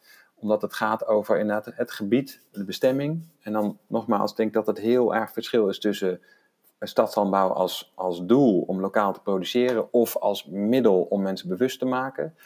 Ik denk dat uh, het elkaar ontmoeten bij, zoals uh, onlangs in Den Haag dan, bijvoorbeeld een stadmakersfestival waar een directie gewoon uh, in een panel zit en, en, en kan praten en discussiëren en kennis uitwisselen met mensen uit de stad. Bij ons leverde dat gelijk iets op. Want nu, ik snap dit nu wel heel erg. Terwijl als ik dat, datzelfde verhaal door de organisatie naar boven moet proberen te duwen. Of luister je eerst naar. Ja, dat is echt, dat is heel lastig. Terwijl als je elkaar vaker ontmoet, dan kan je als mens, vanuit je functie natuurlijk wel, maar kan je wel veel sneller, denk ik, begrijpen wat er in zo'n stad leeft. Dus dat zou voor mij echt... Uh... In maart hebben we een uh, event hier georganiseerd. En ik ben echt wel op tijd begonnen met mensen uitnodigen. Zeker van allerlei partijen. Uh, gemeente Amsterdam, want dat was iets meer Amsterdam dan gericht. En Frank was wel de enige die erbij was vanuit de gemeente. Dus die zat hier ook in je intro de, de gemeente te verdedigen. Dus ik vond het ja. wel echt jammer dat er zo weinig mensen verder konden bij zijn. En ja, nou, ik denk dat de gemeente dat zelf ook kan doen. De gemeente zou zelf ook meer van dat soort momenten kunnen creëren. Ja. Maar van daaruit zitten we dus ook hier. En is dit ook, uh, nemen we deze aflevering op. En is het ook ja. vooral dat we daarin willen onderzoeken van oké, okay, Um, kunnen we een, een podcastreeks maken um, die dus nog veel meer inzichten geeft aan beleidsmakers, maar ook waarin voedselmakers meer een verhaal vertellen. Dat is ook wat wij in totaliteit met deze podcast willen doen. Dat je de praktijkverhalen echt van de verschillende kanten hoort en dat ja. je die op een manier tot je kan nemen wanneer het jou uitkomt. Um, want dat zei Sander van de Buitenbrigade, die zei van nou, ik heb nog ook wel een specifieke vraag van waar halen de beleidsmedewerkers of de mensen bij de gemeente hun informatie vandaan? Want dit klinkt toch ook alsof iedereen dat maar zelf op zijn eigen manier moet gaan doen. Dan is dat natuurlijk een heel ander specifiek beeld. Los van dat daar dus eigenlijk, wat we gehoord hebben, binnen de gemeente ook niet heel veel tijd voor is. Want die innovatietijd is er niet. Nee, kijk, ik denk als je als, als mens een functie uh, vervult, dan die informatie haal je, ja, wat je zelf als privépersoon meebrengt, dat, hè, dat, uh, dat is er gewoon. Plus uh, de kennis van een vorige baan misschien en de kennis die er in een gemeenschap van bijvoorbeeld een gemeente is. En bij de ene gemeente hebben ze een wethouder in Ede van voedsel. Ja, die zal misschien wat meer kennis in huis brengen en toevoegen, waar mensen, andere mensen weer gebruik van kunnen maken. Dus het is ook een beetje hoe ontstaat de cultuur in een organisatie. En die bepaalt natuurlijk ook wat jij als medewerker, hè, waar je kan, van kan leren. Dus het is natuurlijk nogal een brede vraag, waar haal je je kennis van aan? Ja, uh, de overdracht van je collega, dat speelt natuurlijk heel veel. Precies, meer van, ja. zijn er centrale punten of, of doet iedereen dat zelf voor zich? Want, want dan krijg je natuurlijk ook weer te maken met die individualiteit waar de aanvrager en de voedselmaker ook om vraagt, maar die die niet ontmoet in de mogelijkheden? Volgens mij zijn er, zijn er twee soorten kennis heel erg belangrijk als je, als je deze vraag stelt voor, voor ja, collega beleidsambtenaren uh, in andere gemeenten. Twee soorten kennis. Eén is uh, snappen wat stadslandbouw is. Nou, voor mij is uh, de kerngroep stadslandbouw heel erg belangrijk geweest de afgelopen jaren. wat Tom zei, eerst een, echt een, een, plek waar uh, ambtenaren die ermee te maken kregen uh, bij elkaar kwamen. Daarna is dat verbreed en ik denk dat dat een hele waardevolle verbreding is geweest van de, de stadsaanbouwers zelf ook en al die mensen die echt met, met, met projecten bezig zijn. Dus daar, dat heeft mijn beeld van wat is stadsaanbouw, wat kan het zijn, waarde heeft me daar heeft heel erg geholpen. Dus de kerngroep Stadsaanbouw Nederland. Maar daarnaast is het ook heel erg zoeken in je eigen organisatie. Um, wie heeft hiermee te maken? Wat, hoe ziet mijn eigen organisatie eruit? Welke afdelingen zijn al bezig met, met voedsel? Omdat het de catering is, omdat er uh, uh, armoedeprojecten lopen op het gebied van voedsel, met de voedselbank. Dus het is ook heel erg intern kijken van hoe ziet mijn organisatie eruit en, en welke collega's zijn er mee bezig? Welke collega's zijn geïnteresseerd? Of, of nou, het begint met zijn ze mee bezig en soms zijn ze geïnteresseerd en mogen ze niet mee bezig zijn. Nou, dat, dat zijn ook hele goede die je erbij kan uh, betrekken. Ja. Dus het, het, het, gaat om kennis van twee kanten op. En, en ik denk dat, je, dat dat heel erg belangrijk is. Die, die blik naar wat is dat van waar, welke waarde kan, wat kan het zijn? En je eigen organisatie ook snappen. Van waar zit het? Want, voedsel, we hebben het steeds over uh, voedselstrategie, voedselbeleid. Um, en, en, dat veel gemeenten daar niet mee bezig zijn. Ja, ze zijn eigenlijk heel veel met voedsel bezig. Maar het is niet samenhangend. Heel vaak zijn er projecten voor, voor armoede. Uh, is er, iedere gemeente is met groen bezig. En, en, en, uh, en dat is niet automatisch dat het stadsaanbouw is of buurtmoestuinen. Maar het kan er wel onderdeel van zijn. Dus gaat heel erg om een interne blik ook naar je eigen organisatie. Wie is waarmee bezig en waar zou voedsel of stadsaanbouw uh, een plek hebben of moeten hebben. En vervolgens die mensen gaan, ja, die collega's gaan, gaan bij elkaar gaan zetten. Begin daarmee. Zet ze bij elkaar aan tafel. En volgens mij heb je geheid en een heel goed gesprek. Nou ja, en het helpt denk ik ook heel erg dat de mensen die goed weten waar het over gaat, als je het hebt over voedseltransitie, uh, zich toch elke keer als ze het woord uitspreken ervan bewust zijn dat de meeste mensen die het woord horen geen idee hebben waar je het over hebt. Uh, dus dat je blijft uitleggen van uh, wat is dat dan eigenlijk, voedseltransitie? En als je dan gaat uitleggen, dat is ook een beetje het verhaal vertellen, dan kom je weer. En dan, soms heb je wel eens, mijn collega Michel heeft wel eens iets van, oh, moet ik dan weer uitleggen? Ja, je moet het weer uitleggen. Ja. En als je het goed uitlegt, dan gaan die mensen het ook uitleggen. En dan krijg je weer zo'n doorgeefluik. Maar voedseltransitie of de voedselstrategie, dat is zoiets vaags als term. Uh, dat uh, de meeste mensen het gewoon links over hun schouder gooien en denken, het zal wel.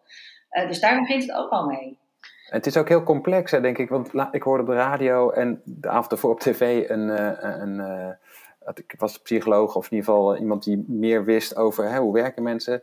we hebben een hele omslag gemaakt met roken. Er roken nog steeds mensen, maar een jaar geleden las ik een heel oud James Bond verhaal rookt ze gewoon in het vliegtuig. Nou, oh jemig, ja, jaren 50 kon er nog. Of uh, hè, bij de dokter of voor de school, voor de schoolklas.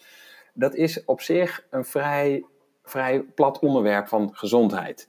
Maar dit is natuurlijk, gaat over zoveel dingen. Het, je verliest ook vrij snel de grip op van waar hebben we het over. En ik denk ook dat het, ik zat eerder, dat was een van mijn punten die ik had opgeschreven. Is heel belangrijk om heel kritisch naar je eigen gesprek ook te blijven. En ik hou zelf ook wel van advocaat van de duivel spelen, omdat ik gewoon denk dat dat heel goed is. Want als je een, een, geen antwoord kan geven, dan was je betogen misschien niet zo sterk. Waar, wat is de drijfveer eigenlijk? En de een heeft als drijfveer, als die voor biologisch kiest, uh, het gevoel van moeder natuur en de eenheid enzovoort. De ander heeft als drijfveer, ja, wil gewoon dat er minder uh, uh, chemicaliën in zitten. Ieder heeft een eigen beeld van waarom die hiermee bezig is. En dat is heel goed om je daarvan bewust te zijn. Want met stadslandbouw is het één zeggen, ja, we moeten meer lokaal. Nou ja, even in de ideale wereld. Misschien kost het helemaal niks aan vervuiling of wat dan ook om groenten en dergelijke vanuit Zuid-Amerika in te vliegen. Als dat zou zo zijn, zou het dan slecht zijn? Op zich misschien wel niet. Dus ik denk dat het goed is om altijd die vraag te blijven stellen: waarom doe je iets? En, en waar, waarom doen we dat? Als iedereen al gezond eet en de wereld is fantastisch, de meest gezonde plek op aarde, wou ik zeggen, in het heelal. maar laten we daar vooral naartoe gaan ook. Want dat is de beweging die we nu natuurlijk te maken. Dus ik vind het super mooi dat je dat zo schetst. Maar, maar dat is waar wij echt nu dit werk voor hebben te doen. En dan denk ik weer aan Sander, die zijn dochter van tien maanden in de ogen kijkt. En mijn jongens van vijf en zeven. Dan denk ik, ja, die heb ik straks te verantwoorden. Ja, maar, dan, gaat, dan, is, dan is het ook heel goed om bijvoorbeeld... Uh, het kan heel goed zijn om dan de discussie weg te halen van... we moeten lokaal bouwen. Uh, want er zijn heel veel mensen die haken af. Ja jongens, wij kunnen toch niet onze eigen stad gaan voeden? Dan moet je misschien zeggen, hé, hey, wij als... of de stad uh, als, als geheel... heeft niet alleen maar invloed op de stad zelf... maar heeft invloed op heel de wereld. Met heel die mondiale voedselketen. Dus dan kan je het, de, hetzelfde wat je wil bereiken, via een heel andere discussie of heel ander gesprek gaan voeren. En dat is heel belangrijk om die afstand te kunnen bewaren van waar hebben we het over, welke argumenten komen er op tafel en zijn die zinnig in deze discussie. Want je kan, als je dat niet goed helder houdt, kan je heel snel afhaken en kunnen mensen heel snel gaten in je betoog gaan schieten. Als je een betoog wil houden. Hè? Zou jij het kunnen uitleggen waarom lokaal een goed idee zou zijn? Nou, meerdere dingen. Kijk, als je het hebt over uh, de, de voedselketen en de duurzaamheid daarvan, is natuurlijk, als je uh, korter doet, is natuurlijk minder kans op verspilling van materialen, van, van producten, van uh, energie. En je hoeft minder te gebruiken. En dus daar zijn, is zo'n hele hand op te noemen. Maar aan de andere kant, er zijn voorbeelden van bijvoorbeeld de, de bosatlas van, voetbal, voet, van het voedsel. Uh, sommige producten zijn duurzamer als je ze met het seizoen van de andere kant van de wereld haalt, dan drie kwart jaar in de koeling in Nederland laat liggen. Dus dan is lokaal niet per se beter. Dus dat, dat is heel lastig. Andere lokaal uh, is het goed, denk ik, dat je ontmoet en ziet iemand werkt daarvoor. Dus hey, die persoon wil ik wel dat hij een eerlijke prijs krijgt. Want dan kan hij tenminste een eerlijke bedrijfsvoering en een eerlijk teeltsysteem hanteren. Of een duurzaam teeltsysteem. Dus je ontmoet en je, je gaat je bewust worden van wat jij consumeert als consument. En wat er voor nodig is en welke waarde het heeft. Dus zo kan je al van, vanuit twee hoeken er naar kijken. En hè, er, zijn, er zijn meerdere. Dus gewoon die ervaringen kunnen delen en de tijd krijgen om dat te ontdekken en de kans om dat te ontdekken. Als je bijvoorbeeld kijkt naar, we hebben hier een, moest, een biologische moestuin, het Welpje, ontstaan op een binnenterreintje. Ja, niemand deed daar iets aan moestuinen, maar toen een aantal mensen zeiden van, goh, zullen we hier moestuin doen? En gingen vragen bij iedereen in de wijk. Bijna iedereen wilde er een. Maar het is heel makkelijk om een stad dan te zeggen, nou, ik hoor helemaal niemand over die een moestuin wil. Ja, misschien vraag je ook niet. En dus je, ook kijken wat zijn de drijfveren van mensen en waarom zouden mensen iets willen doen. Ik denk dat daar zoveel te behalen is als je meer, ja, meer ook mee wordt genomen uh, in uh, wat, wat kunnen redenen zijn waarom je er zelf mee bezig gaat. En wordt soms platgeslagen uh, met de voedseltransitie. Oh, we laten onze gehaktbal niet afpakken. Of, oh, moeten we alles groen? Ik hou niet van groen, ik wil gewoon, ik heb liever kunstgras. Ja, dat is vaak een hele, van die dooddoeners. En we moeten denk ik ook veel kundiger worden in het voeren van goede gesprekken en het zoeken van breedte daarin. En uh, misschien onszelf meer uitdagen om al die advocaat van de duivel vragen te stellen. Want ja, het zijn vaak toch wel interessante vragen. En is hier misschien een factor tijd ook een belangrijke? Dat je weer tijd voelt om zo'n gesprek te hebben? Uh, ja, als je stress hebt en het heel druk, en, dan is dat lastig om die tijd te vinden. Maar ik vind, je mag jezelf, hoe druk ook, altijd uitdagen om te zeggen: hey, doe, pak ik dit nou goed aan? Geef ik uh, mijn collega of iemand die ik uit de stad spreek wel de aandacht die die, ja, hoe druk ik het heb, toch ja, verdient. Want als, we, als wij een gesprek hebben, dan ik moet gewoon kiezen. Of ik moet zeggen, joh, ik heb geen tijd voor het gesprek. Of ik moet het doen, maar dan wel ook gewoon normaal en goed en de ander laten uitpraten en er de tijd voor nemen. Ik wil niet zeggen dat je soms kan zeggen, joh, ik heb maar een uur ergens voor, maar ik vind, ja, daarin moet je gewoon, kan je niet verschuilen achter andere dingen. Je bent gewoon een mens en van mens tot mens moet je er gewoon uh, wel uh, ja, de kwaliteit in acht nemen. En ehm, we gaan nu een beetje richting een, een afronden. En ik vond het wel mooi eh, dat je zei van, of tenminste, ik neem in ieder geval met me mee dat ik meer mensen ga vragen van wat is je drijfveer? Vlak voor deze podcast begonnen vroeg ik jullie ook om heel even in te checken met, met eigenlijk wat is je drijfveer, waarom doe je dit? En dat je dan toch ook weer op een andere manier een, eh, een gesprek zou kunnen voeren. Maar Tom, als ik jou vraag, en dat vraag ik dan iedereen, van wat is wat is jouw wens? En met name als jij mag wensen, wat zou jou dan nu op dit moment, uh, of nu op dit moment, wat zou jou het meest kunnen helpen? Waar zou je het meest geholpen kunnen zijn in, deze, in dit voedselverhaal, in, in de opgave waar we voor staan? Um, wat zouden wij je kunnen geven?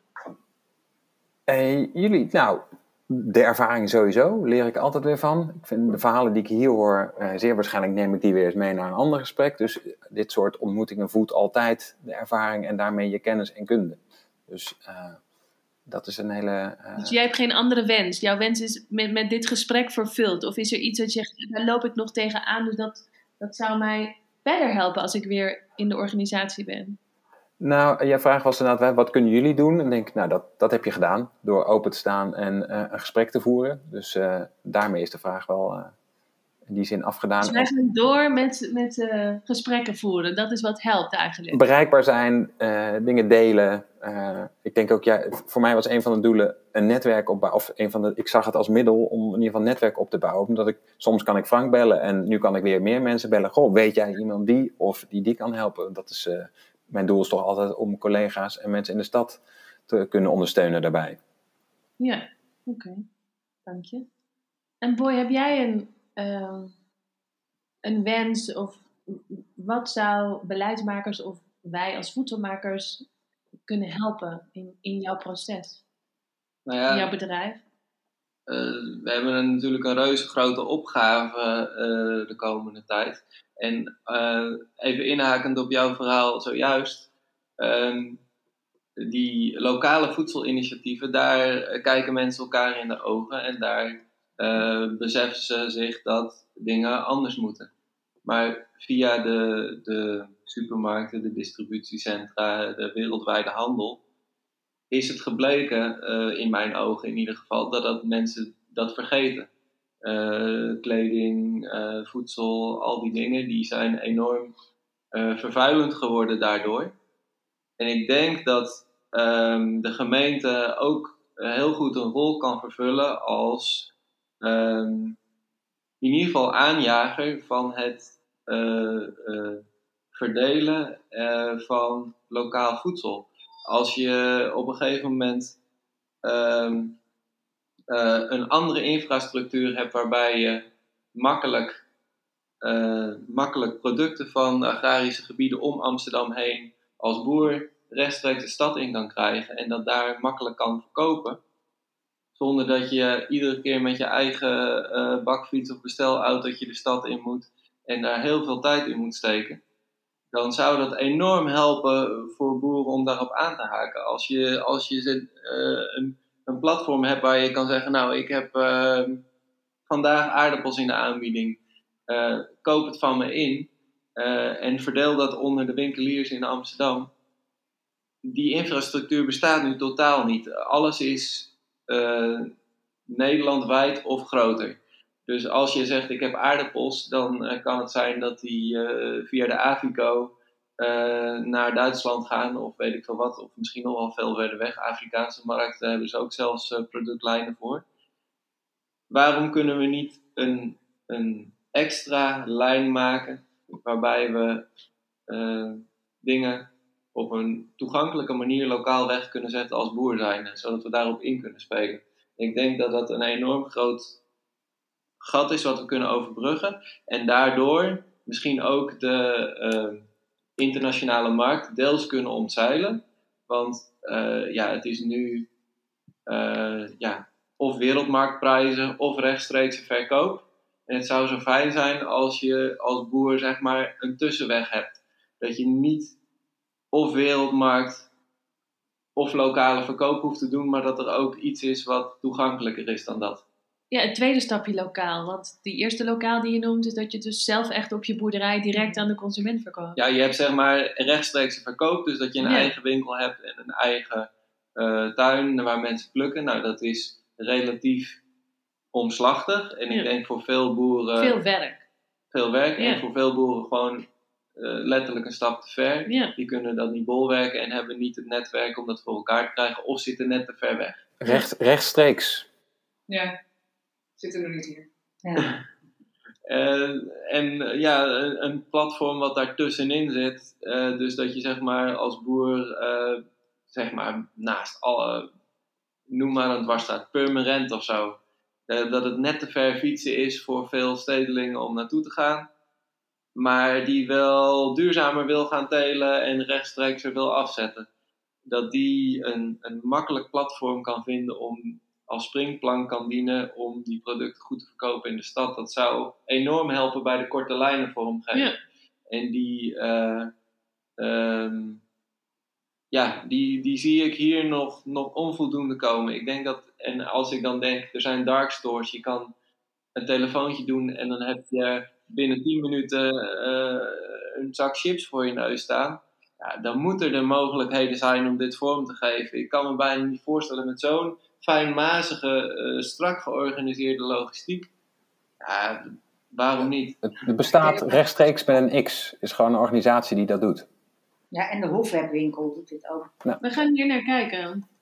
Jawel, maar dan moet er iemand dat opstarten en ook Maar de financieren. Hofwebwinkel bestaat ook. Nee, ik bedoel, maar moet iemand financieren. Dat Ja. het dan bij een aantal boeren in deze omgeving ook opgehaald gaat worden en dat gaat, geregeld gaat worden.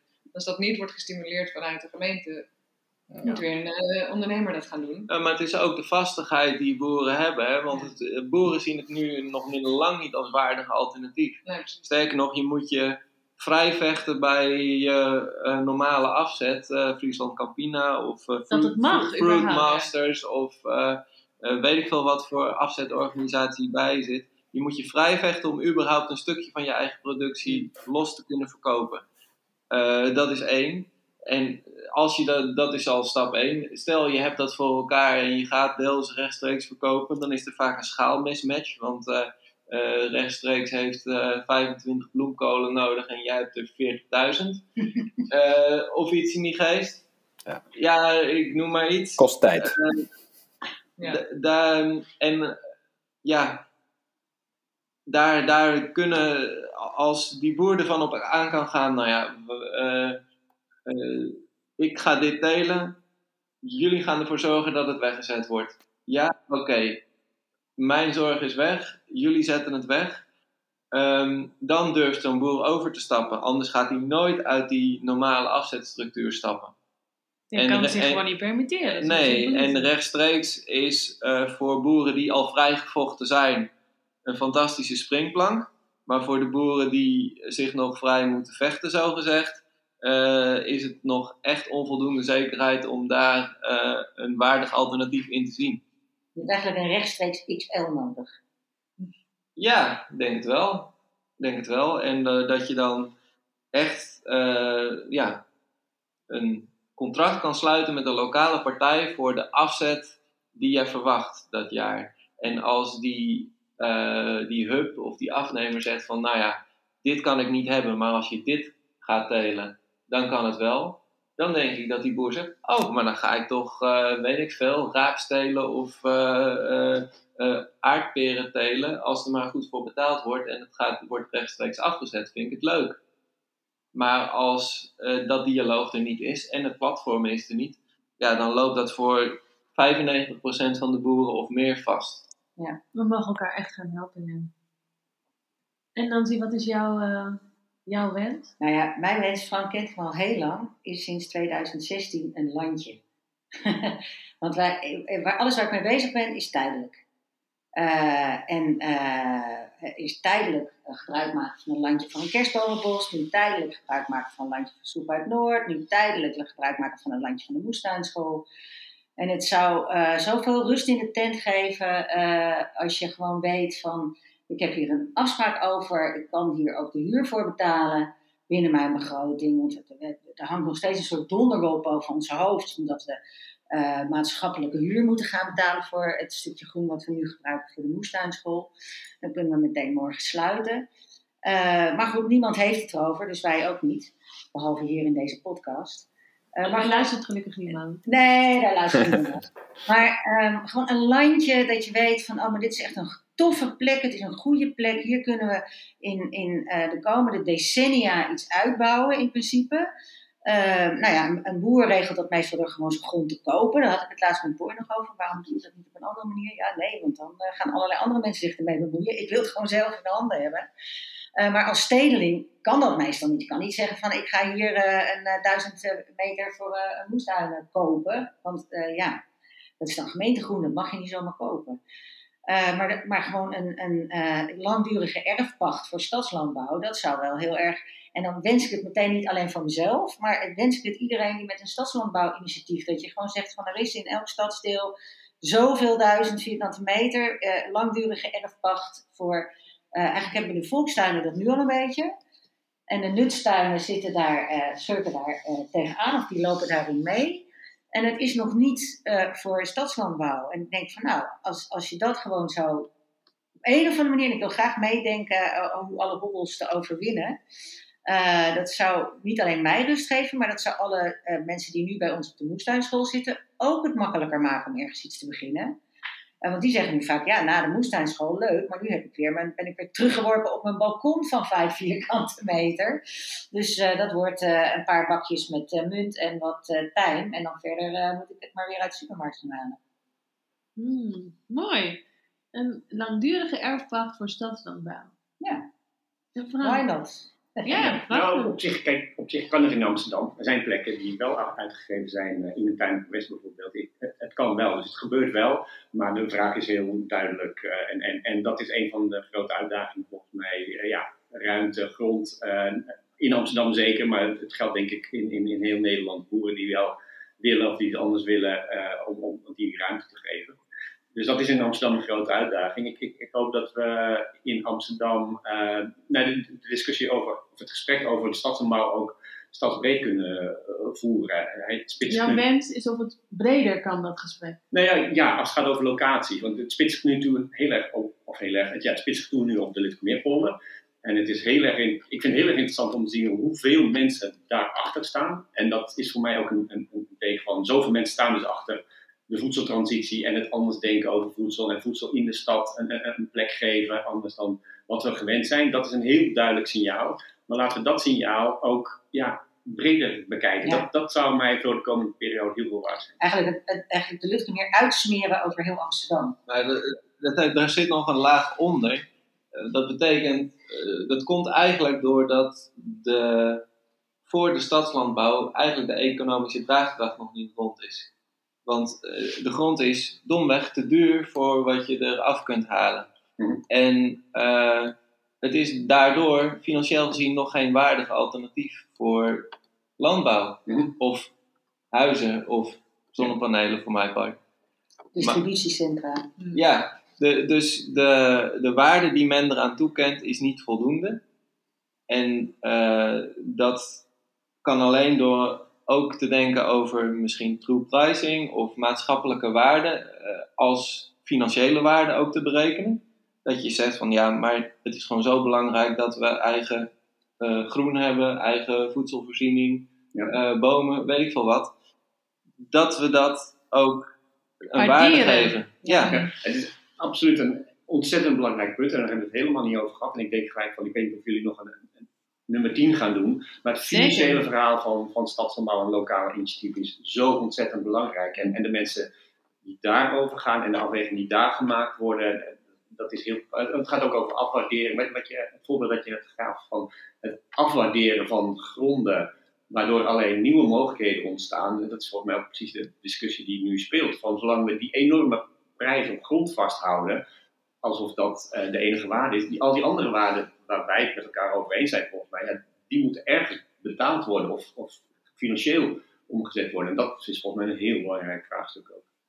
Ja. Dan vraag ik de Maris Matthijsen ook eh, om mee te doen in het Ja, gesprek. want dan zeker. nemen we die andere wending ook nog mee. Nou ja, ik zal haar naam erin zetten. het grappige is dat, dat, die, dat eh, het is ook soms hoe je er naar kijkt. Want dit is de financiële eh, bril van wat levert het op en, en wat moet het dus kosten of wat kan het kosten. Maar bijvoorbeeld heeft Amsterdam gemeente ook besloten om bepaalde gebieden in te kleuren als hondenlosloopgebied. Omdat ze zeggen het is belangrijk dat honden ergens los kunnen lopen en dat andere mensen weten van hier mag dat. Nou, zo zou je ook stadslandgebied gebied, eh, ook een kleurtje kunnen geven op de kaart. Hier mogen mensen stadslandbouw bedrijven. En dan mogen andere mensen dan niet zeggen van dat het daar niet mag, want daar mag het.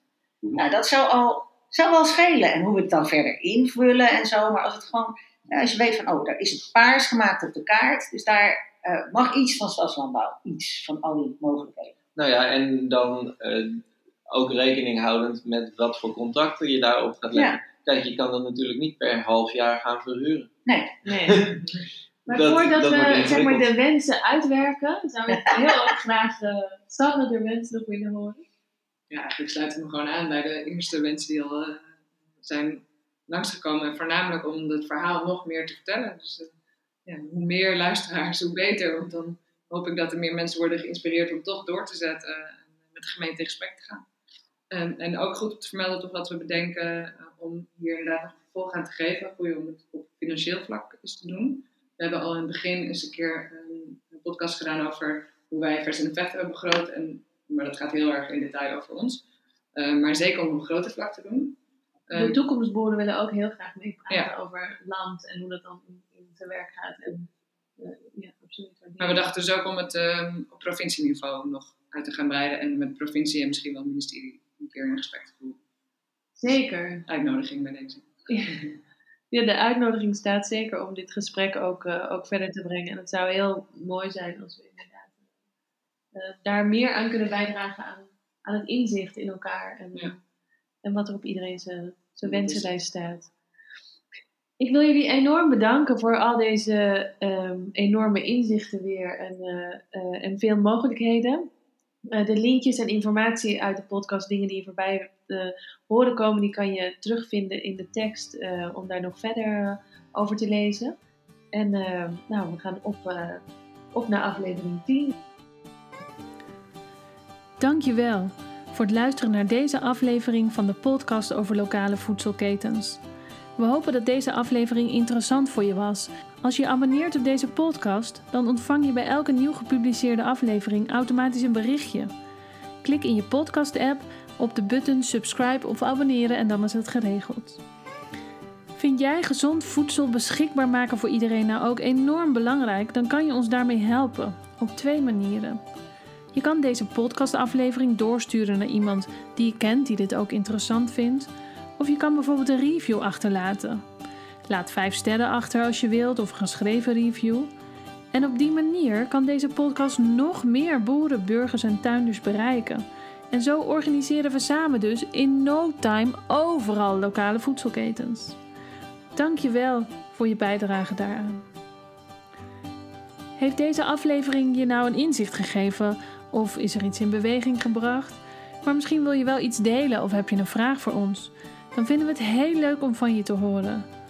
Je kan een e-mail sturen naar info.degroenegriffioen.nl of info.versaandevecht.nl Een berichtje achterlaten via Instagram, dat kan ook. Het account is @degroenegriffioen of @versaandevecht. Nogmaals, dankjewel voor het luisteren en heel graag tot een volgende aflevering.